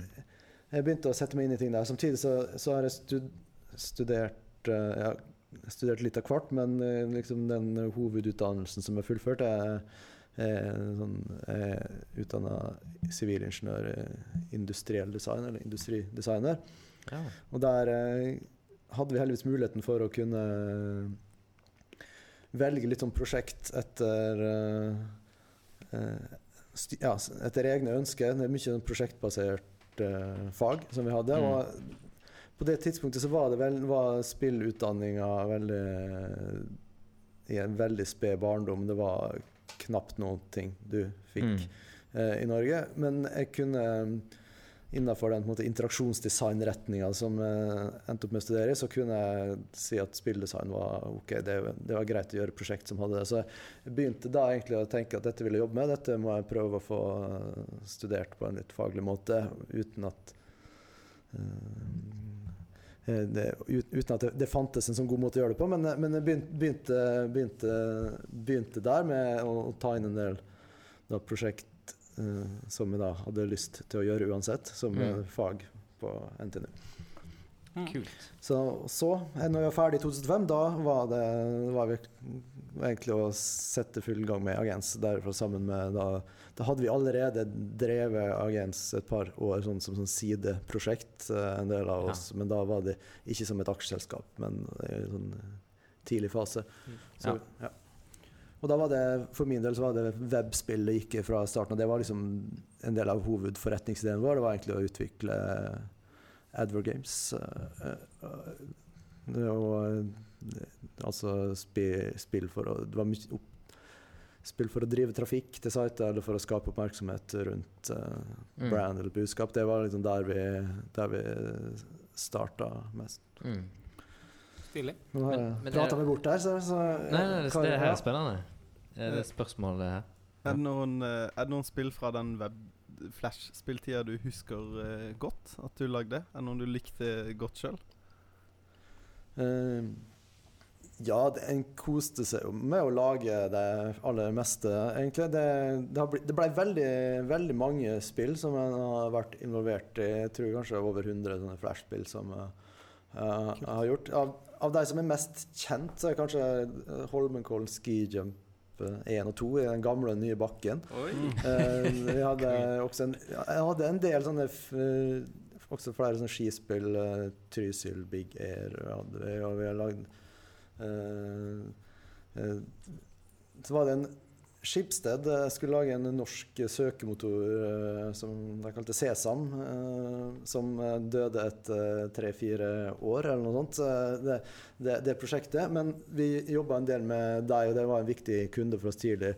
Så vi lagde for deg som var gamle nok, og så lagde vi en del spill for Sesam, annet som heter Sesam Katapult. Og vi hadde en del sånne Sesam bilrace med forskjellige billøp i norske byer. Eh, eh, et, eh, også et ganske sært spill som heter Bukkerytte, der du spiller Det er litt sånn Per Gynt-aktig på en reinsbukk, der du skal hoppe utfor igjen din egen og gjøre et triks i lufta før, på, på rein før du lander nede i vannet noen hundre meter lenger nede. Så det er sånn eh, Ja, både deg og særlig en del av ja, Holmenkollen har vært veldig morsom eh, prosjekt å Mm. jobbe med fra, fra den tidlige fasen. Ja. Festlig. Jeg tror Mats Jakob har et spørsmål til her. Ja, nei, eh, for dere har jo lagd det her eh, Er det Alo eller Arlos Adventure? Nei, det er snowboardspill, er det ikke dere som har lagd det? Eh, Nei, nå, Nei. men vi har en link. Ja, det er en link da- Alto, Altos, Altos Adventure Ja. eh, og Altos Odyssey Ja. eh, er det et kanadisk selskap som heter Snowman som står bak, som eh, vi er vår partner og publisher på Skate City. Der var Eh, linken, ja. Men, det er ikke, men vi har, eh, vi, Agens har ikke vært involvert i utviklinga på Altos Adventure. Eller. Nei, ikke sant? Det ikke. Jeg bare håpte det var en link fra den her regnbukken som tok triks Ja. eh, til, til det spillet, men da En, inspirasjon var det i hvert fall. Mm. Men, eh, men OK, nå er det altså i sånn Når er vi her nå? I 2005-2006? Eh, når liksom det er webspill det går mest i.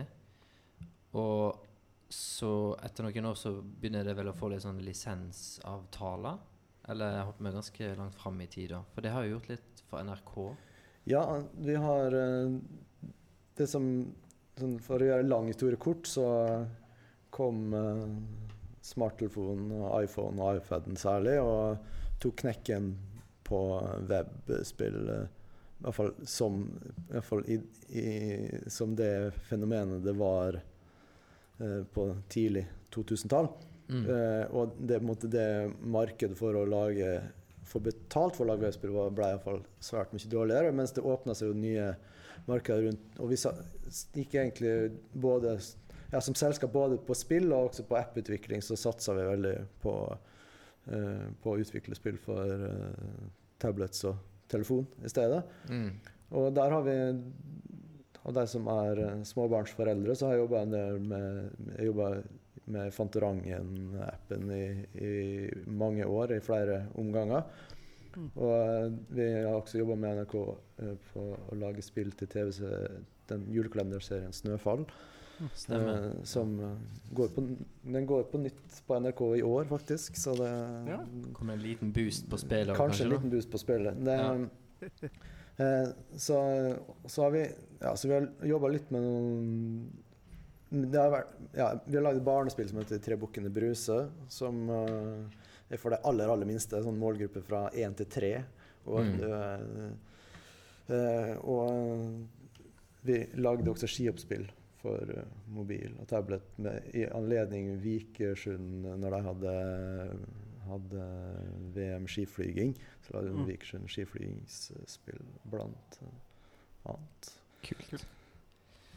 Hva ehm, men eh, Head of Games, det er din offisielle tittel i selskapet? Ja, i hvert fall på engelsk. Ja. Eh, Jeg kan si leder for spillavdelinga når jeg snakker norsk. Det. Ja. Men hvordan, hvordan ser eh, Altså, hvor hvor mange er det som sitter i den avdelingen? Ja. Nå har vi en litt sånn åpen og flat struktur, så det er ikke en Ja. sånn veldig sitter ikke på toppen av en, høy pyramide. Eh, og det er også ganske åpne veier mellom hva at vi har, Men vi har noe som vi kaller som, som absolutt er en spillavdeling, der som, som bare ja, mer eller mindre for bare jobber med spill. Mm. Så er det mange som eh, er innom spillene våre i faser eller i større eller mindre grad i ulike roller, men vi har en nå, akkurat for øyeblikk en sånn kjerne på seks-sju stykk som på en måte er fulltid på spill. Ja. Spennende. Så da Så head of games betyr jo ja, det, det, det Så jeg har jo litt administrativt eh, rundt det, samtidig, eh, men det er mye hands on-jobbing som spilldesigner og teammedlem. Ja. Altså du, Der du også, får ja. jobba litt sånn hands on på prosjektene? Ja, jeg, det setter jeg veldig pris på å få gjøre, så det, Ja. jeg har ikke lyst til å administrere meg helt ut av eh, kreative Kun sitte på mail og Ja. Men eh, hvis vi skal liksom dra, dra oss eh, litt sakte, men sikkert inn på, på det mest aktuelle nå, da. Skate City. Eh, hvordan Hvordan eh, ender det opp eh, Eller hvordan kommer det fra en idé om et skatespill og ender opp som et lanseringsspill på på uh, spillsatsingen til verdens største selskap, er det vel? Ja. Apple Arcade. Ja, Har du lov å fortelle litt ja, om- eh, cool, eh, vi, Det var ikke der vi sikta når vi, når, når, når, når vi starta. Det, det gjorde det ikke. Men som veldig, i fall, av de prosjektene måte, som er våre egne satsinger, som ikke er, eh, ikke er på, på oppdrag for noen, Mm. så springer du gjerne ut ifra en slags lidenskap eller en passion hos en eller flere i agens, og det, som da vi ser eh, Oi, dette kan bli noe bra.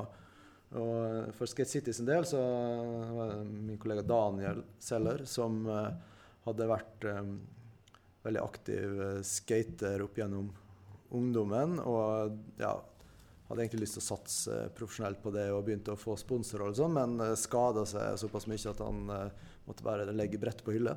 Men ble, endte opp med å utdanne seg innenfor IT og hadde en veldig, da, etter hvert et sterkt ønske om å kunne lage det ultimate eh, skatespillet for mobil. Eh, og mm, det, det var det som uh, som, som, star, som, som var startskuddet for det som ble Skate City. Aller først så, så lagde Daniel et spill som heter Skateline, som fortsatt er ute på Android Ja. eh, i dag. Eh, og det eh, ligger gratis ute. I hvert fall, funker i hvert fall på eldre Android-telefoner, tror jeg. Eh, det begynner noen- Det begynner, begynner å bli noen år nå, men det, vi, det, er på, eh, det er absolutt en skal jeg si, forløperen til Skate City. Der vi fikk testa ut en del konsept rundt hvordan det er bra å, å styre et, et skatespill på mobil. Og vi fikk Mm. veldig god respons på Skateland. Enormt eh, gode anmeldelser av veldig mange som har på en måte tok kontakt og syntes at ja, dette var bra, dette må vi få mer av. Eh, og det var på en måte med å sparke i gang eh, da videre at vi satsa på det som nå blei eh, Skate City til slutt. Hmm. Men ja, veien derifra til, eh, til å være i lineupen på Apple Arcade er jo også en ganske lang, er en lang vei. Vi har Mm. jobba i mer enn fire år med Skate City. eh, og da det starta, så tenkte vi nok det skulle ja, det skulle lanseres som et vanlig mobilspill, men eh, på ett Og vi har også samarbeida ganske lenge med Snowman, som jeg nevnte. Som, som står bak Altos uh, Adventure, Altos Odyssey-spillet, Mm. blant annet. Mm. Og, og de har vært uh, Deres erfaring og kontakt, kontaktnett har vært veldig viktig for uh, oss i det å skulle kunne få komme inn under Apple sine Mm. vinger og få gjort en deal om å bli med på Apple Arcade-lanseringa. Mm. Men vi Ja, så, så det, den, den veien har gått via det, og via at de, de oppdag... Ja, si, Daniel tok vel kontakt med deg for å ha noen spørsmål rundt, eh, rundt Altos, eh, og han var nysgjerrig på noen ting de hadde gjort på Mm. Altos Adventure i sin tid, og hadde litt dialog på det, og viste litt videoer video av det som da var tidlige versjoner av eh, av det som ble Skate City, og de kicka veldig på det. Og vi fant ut at de var en veldig god, eh, god partner for oss. Og ikke bare, um, og ikke bare det at dere ender opp på Apple Arcade, men når hele Apple Arcade skal presenteres, er jo Skate City blant spillene som jo trekkes fram på, på konferansen òg. Så det er jo Mm. Dere fikk jo definitivt på en måte eksponering for spillet deres allerede da. Det var veldig bra. Det var og skal være helt ærlig, så var det veldig overraskende for oss også. Vi hadde no, hørt noen rykter før den, eh, den eh, presentasjonskeynoten som de Mm. hadde, eh, om at ja, det er god mulighet for at vi i hvert fall blir vist. Jeg håpet ja, kanskje får vi tre-fire sekunder fra traileren eller et eller annet sånt, men så når vi da var på den store skjermen bak eh, Tim Cook når han eh, sto og snakka, så var det veldig et, et høydepunkt. eh, Og da det var vant veldig stas eh, for oss som har jobba Mm. lenge med dette, å kunne se, Mm. se, se, se eh, resultatet oppe på en stor skjerm. dere vant internett den dagen, for å si det sånn. Eh, men altså eh, Apple Arcade, Fordelen med den tjenesten er jo det at det er jo en betaltjeneste. Det er vel 59 kroner i måneden, hvis jeg ikke husker feil. Mot at man da får tilgang på eh, en rekke spill uten mikrotransaksjoner, og man kan spille offline osv. Eh, gir den dere noen fordeler? Dette at dere slipper liksom denne tanken rundt det som har vært mobilmarkedet hele tida, med nettopp dette med mikrotransaksjoner osv. Sånt, er, er, er det litt greiere å bare slippe det og bare få lov å konsentrere seg om, om skating? Det er absolutt en stor fordel eh, med Apple Arcade at vi kan la spillet få være spill. Og eh, slippe å, å basere Ja, å ha et, et regneark i bunnen mm. som, som bestemmer hvordan ting skal være lagt opp.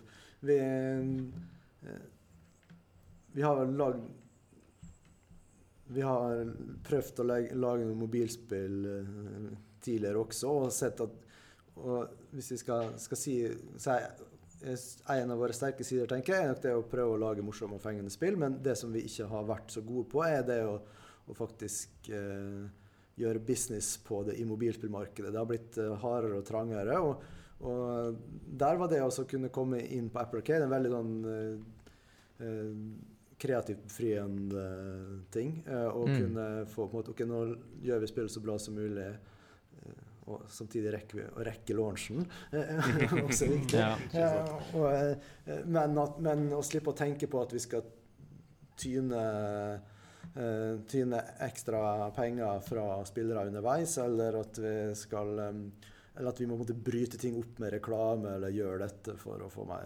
Mm. ja, se den videoen for å, Mm. For å åpne mer. Da. Og, og, det, det, det er tror slik jeg ser det, den største fordelen for, for en spillutvikler med å være på Apple Arcade. Det er veldig vanskelig å lykkes på free to play-markedet. Det er noen store aktører som, eh, som, som får det til, og veldig mange som prøver. Og på premium-markedet, særlig på mobil, så er det eh, er det et marked som er, ikke ser ut til å vokse så mye mer. eh, eh, Det var nok større, større før, selv om det, no, det finnes noen titler som fortsatt kan gjøre det greit. Mm. Um, har det andre spill de jobber med nå for tiden? No, altså, ja, altså, ok, jeg spoler litt tilbake. Jeg hadde egentlig et annet spørsmål først, som jeg kom på nå.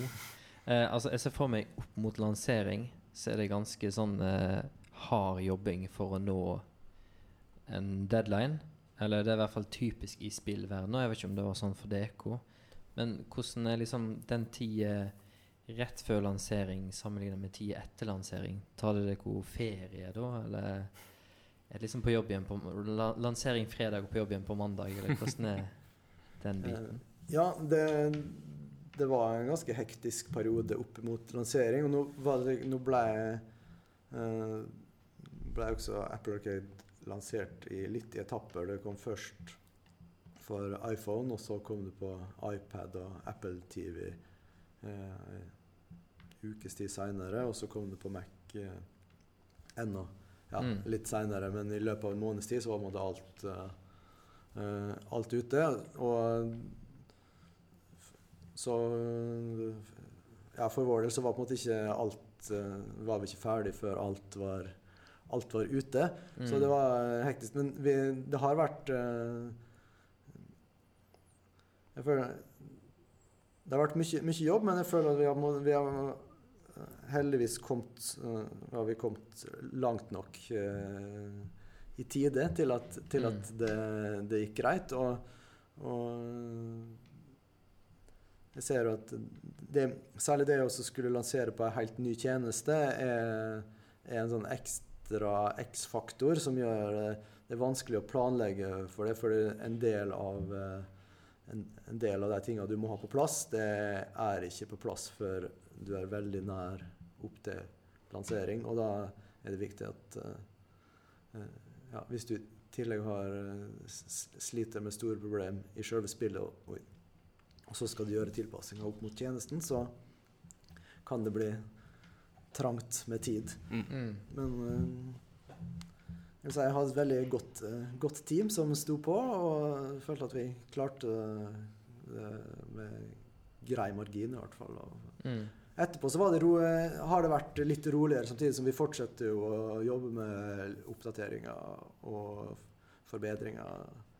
Eh, Men, og noen har, noen har tatt seg litt ferie, andre har eh, fortsatt mer eller mindre som vanlig. Vi har ikke, det var ikke sånn at vi var helt på felgen. eh, Nei. Det er godt å høre. Ja, det var bra. Ja. Vi hører jo skrekkhistorier om crunch i dataspillbransjen stadig vekk.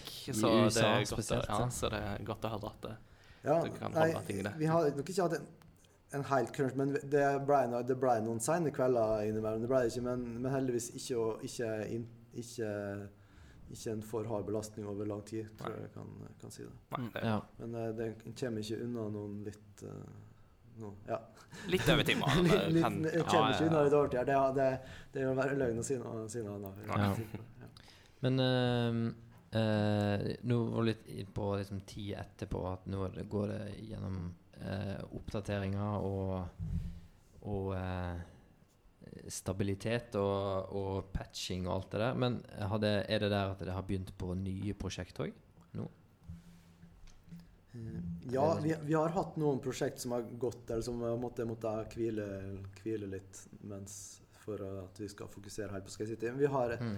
vi har et, et barnespill som ja, Arbeidstittelen er 'De tre små grisene', som, eh, som vi begynte på for en god stund siden, men som vi driver og, sparker i gang igjen nå. Som vi håper vil komme i løpet av 2020.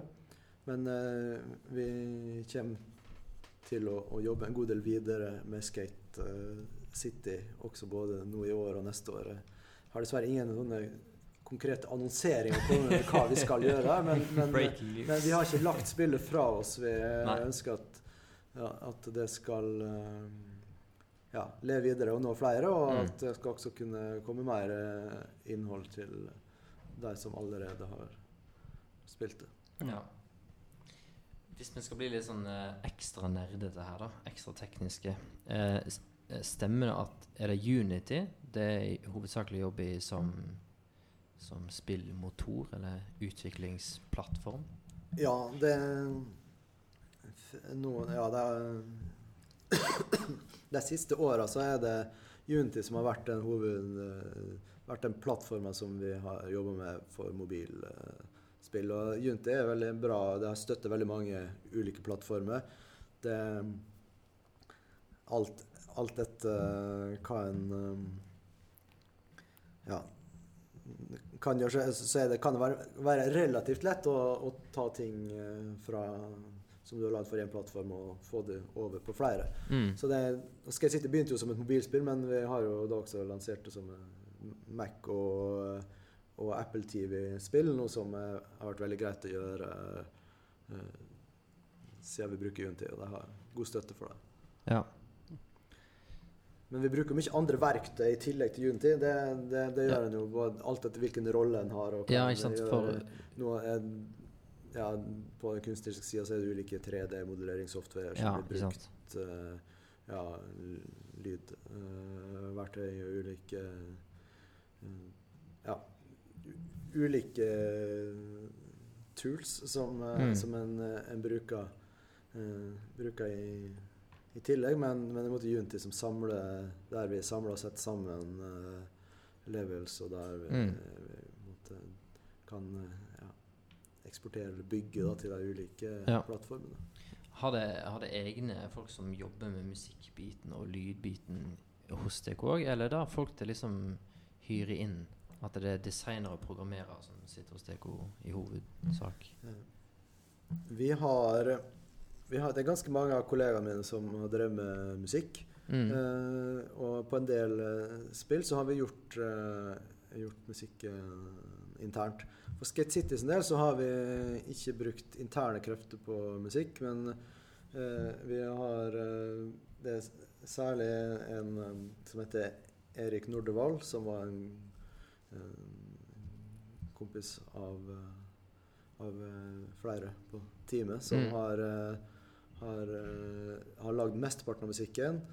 Uh, også Andreas Olsen som har lagd noen uh, sanger, og en Buster Jenkins som har lagd sanger. Så der har vi, der har vi fått, hatt folk som på en måte har vært gira på prosjektet, og som har tilbudt seg og, og ja, og jeg har sett at dette Og det har vært veldig god fit til, uh, syns vi, i hvert fall, til, spillet. Vi har ikke Mm. lagt oss på den veldig sånn punkete uh, skatespillmusikkstilen som en, en som har vært vanlig i hvert fall på en del eh, eldre skatespill, men vi har en litt mer sånn chill uh, beat uh, Mm. musikk som eh, det er vanskelig å beskrive, men vi prøver å få en litt sånn eh, stemningsfull greie som ikke er veldig oppjaga. Men vi skal på en måte skape, prøve å skape en følelse både med det visuelle at, måte, at, ja, at du, du kan eh, eh, ha det chill, skal jeg si. Dra, Mm, Cruise mm. rundt i byen på brettet og gjøre litt sånn som du, du vil. Det er ikke noe Mm. stress. Uh, og det, det, det er noe som jeg har prøvd å, å velge musikk eh, til også, som ja, skal underbygge den, eh, den stemninga der. Spennende. Eh, så har vi brukt, brukt også på et tilfelle her så har vi brukt eh, en lyddesigner, ei som heter Alice Droney, som har vært, eh, vært inne i en periode som, eh, Ja. som lyddesigner hos oss og jobba med, spesifikt med lydeffektene. Mm. Jeg bare lurte på uh, um, Har dere hatt liksom På det rent sånn skatetekniske, har dere hatt konsulenter inne fra skatemiljøet? For å liksom snakke om Sånn at det blir på en måte riktig, da? Eller uh, hadde dere det også internt? Det har, det har vært veldig viktig for oss at det skulle være riktig, at vi skulle på en måte være eh, tro mot uh, skatinga. Eh, Ja. Det er jo ikke et sånt 100 realistisk skatespill. Det er mye lettere å skate i Skate City enn det er å ta opp brettet og gå og gjøre det samme på gata. Mm. Men, men, eh, men det, det har vært viktig at, at de triksa som gjøres, er riktig, at de har riktige navn. Og, og det, det er jo mange hundre forskjellige navngitte triks som Mm. skal være riktige. Og det er ikke noe fasit på det her. Så det har vært, det har vært en del research rundt det. Nå har det den eh, ja, idéhaver og primus motor for spillet, Daniel Seller, som, eh, som var aktivskater, som hadde har veldig god peiling på det her. Samtidig så har vi også brukt eh, en del hatt en del skatere inne som betatestere, som eh, vi har kunnet ha kommet med forslag som vi har diskutert med hvilke triks vi burde ta med, hva, skal vi, hva er det egentlig riktig navn å kalle det her på. og det er Mm.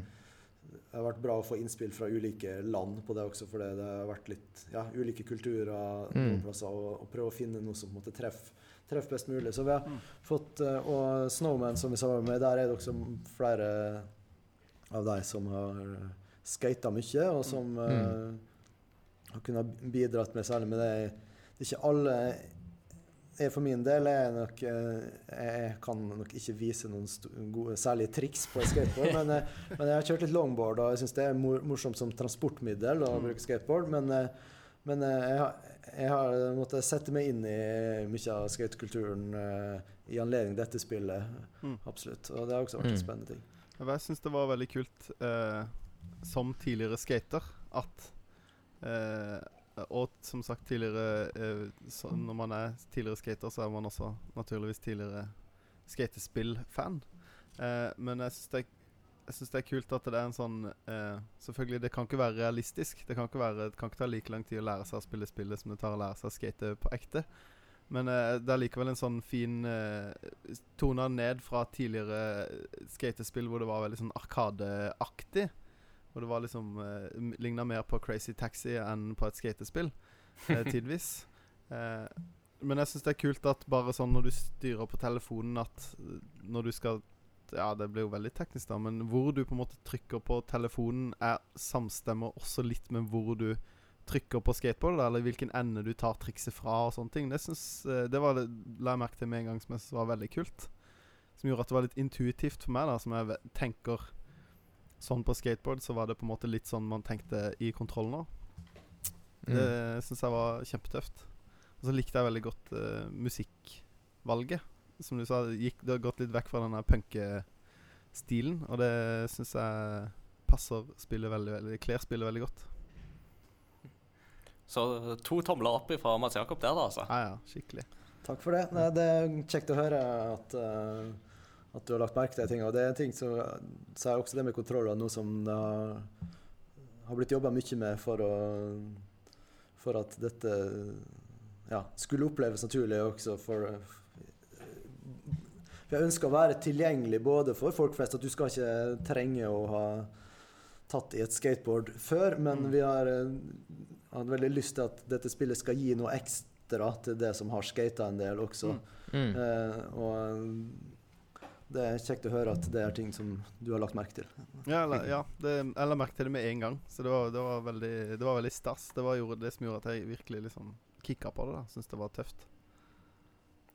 fantastisk. Mm. Jeg tror Mm. det er Når uh, Mats Jakob kan uh, skryte av både skatinga og musikken, da tror jeg jeg på en måte Da er det good. Det er nesten, nesten så jeg må få meg en Apple-enhet her, så jeg kan uh, få spilt. Mm. Um, da tror jeg vi begynner å nærme oss på en måte det vi har av spørsmål og sånt, egentlig.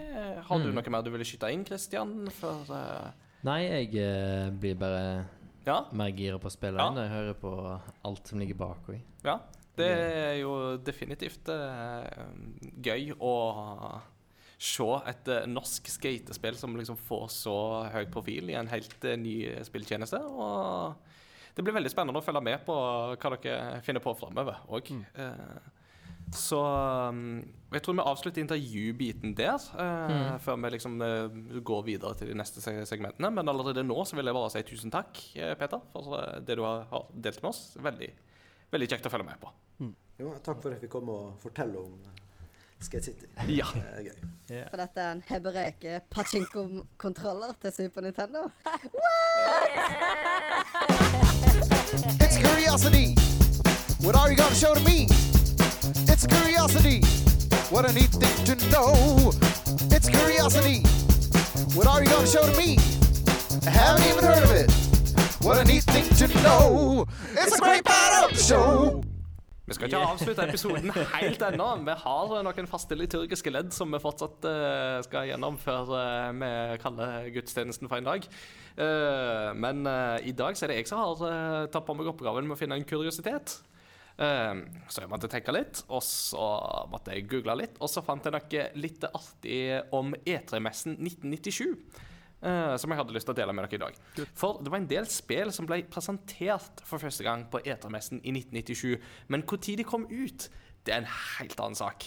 Eh, så da tenker jeg jeg skal begynne av liksom, sånn kronologisk rekkefølge med når de liksom ble lansert, disse spillene. da. Eh, og på den lista så finner vi Golden Eye 007 til Nintendo 64. Det kom ut i 97, bare i august, så det var ikke så kort tid, eller lang tid etter. Og Fallout ble også annonsert det året, og kom også ut i 97. Eh, Så gikk vi over til 1998. Da kom spill som Bungie Kazooie, eh, Metal Gear Solid og Half-Life. Men så har vi et par jokere som ble annonsert på E3-messen i 97, som uh, brukte litt lengre tid på å komme ut. Um, for, hvis vi hopper helt til 2006, så uh, først da kom Prey ut. Uh, og da snakker vi altså om det første Prey, ikke det Arcane Studios Prey som kom ut uh, for to år siden. Um, det var jo en reboot igjen, men det originale Prey ble da annonsert i 97 og ble sluppet først ni år senere, så det hadde en ganske lang utviklingstid. Men det er likevel ingenting i forhold til kongen av lange utviklingstider, som selvsagt er Duke Nukem Forever, som jo da kom ut først i 2011. 14 år etter at det ble annonsert på E3 i 1997. Det er ganske drøyt. Så det at det spillet kom ut i det hele tatt, var jo ganske drøyt. Og spillet var jo ganske drøyt i seg sjøl, men ja. da vi skrev 2011, så var ikke den drøye humoren like morsom lenger. Da føltes den litt banal og litt eh, som et tilbakelagt kapittel. Mm. Så um, det er altså en kobling der mellom Golden Eye og Duke Nukem Forever. Eh, som, eh, og Banjo Kazooie for øvrig òg, som eh, kan være litt artig å ha i bakhodet neste gang en av de spillene, et av de spillene dukker opp. Det er vel den Som- eneste koblinga mellom Banjo Kazooie og Duke Nukem Forever. Det er vel sånn omtrentlig den eneste jeg kan komme på, i hvert fall. I come across over gaming.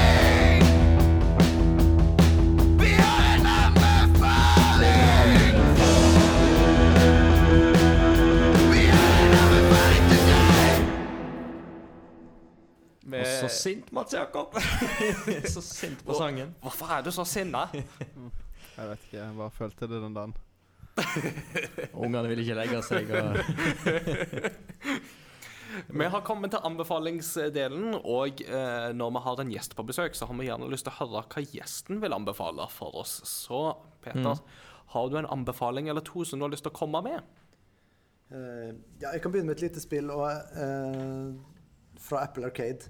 Ja. Eh, Ja. Og eh, det er anbefaler fordi det funker veldig bra å spille sammen med en eh, femåring. Så for deg som trenger et uh, morsomt spill å spille med en femåring, så anbefaler jeg Cricket Through the Ages. uh, som da er et uh, cricketspill. For Ja, det er eh, det som ikke kan eh, cricket, eller bryr deg om cricket i det hele tatt. eh, som starter, i, starter i steinalder og juratid og går hele verden, veien til verdensrommet. Det er bare tøys, og du, du kan spille to mot hverandre på en iPad, f.eks. Og eh, det er egentlig ikke farlig hvem som vinner eller ikke, men er, her er det bare morsomt hvem er det som dauer, eller hvor du får ballen i hodet, eller om det er eh, eh, hva du treffer med, med den eh, kølla som du slår med. Så, så det er for deg som trenger et litt slapstick-spill, som kan særlig være morsomt å spille to. Det går også an å spille alene med seg sjøl på øv. Det er eh, veldig fint, uh, fint laga. Ja.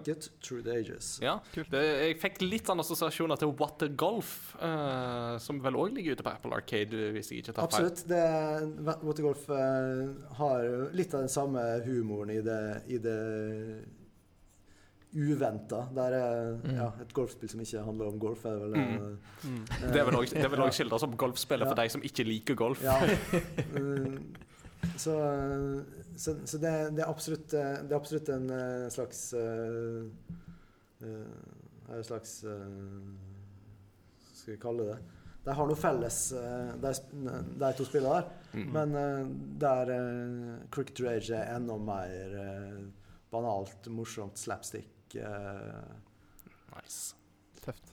Herlig. Kongen. Har du noe mer du vil anbefale òg? Ja, eh, det er mye kunne anbefale. Jeg tenkte jeg var, jeg, fikk den forespørselen om å komme hit, så tenkte jeg ja, hva er det jeg har sett på som har vært bra i det siste. Og jeg, jeg ser ikke veldig mye serier, men jeg har sett en serie som jeg syns var Dette har ikke noe med spill å gjøre, men det heter altså The Spy, som på Netflix, med Sasha Baron Cohen i hovedrolla. Det er en veldig seriøs rolle. Det er en eh, spion, eh, spionserie der en eh, israelsk agent eh, da går undercover i Syria på 60-tallet, er det vel, og eh, kommer veldig høyt opp i systemet der. Så for deg som vil ha en uh, ensesongs eh, spennende spionserie, så kan jeg anbefale Spy. Jeg var solgt bare med at du sier at det er en seriøs rolle med Sasha Baron Cohen, for det er ikke mannen jeg forbinder med seriøse roller i det hele tatt. Nei, men her er det altså Nei, det er ingen spor av Borat uh, her, for å si det sånn. Very nice! Og litt deilig at det bare er én sesong. At det liksom Ja, det er, det er også det er også å sette pris på. Jeg Ja. har uh, for lite fritid til sånne mangesesongsprosjekt. Uh. Mm. Korte serier det er undervurdert, men Tjernobyl Tsjernobyl er jo òg en annen serie i år som har uh, vist at det formatet eh, lever absolutt.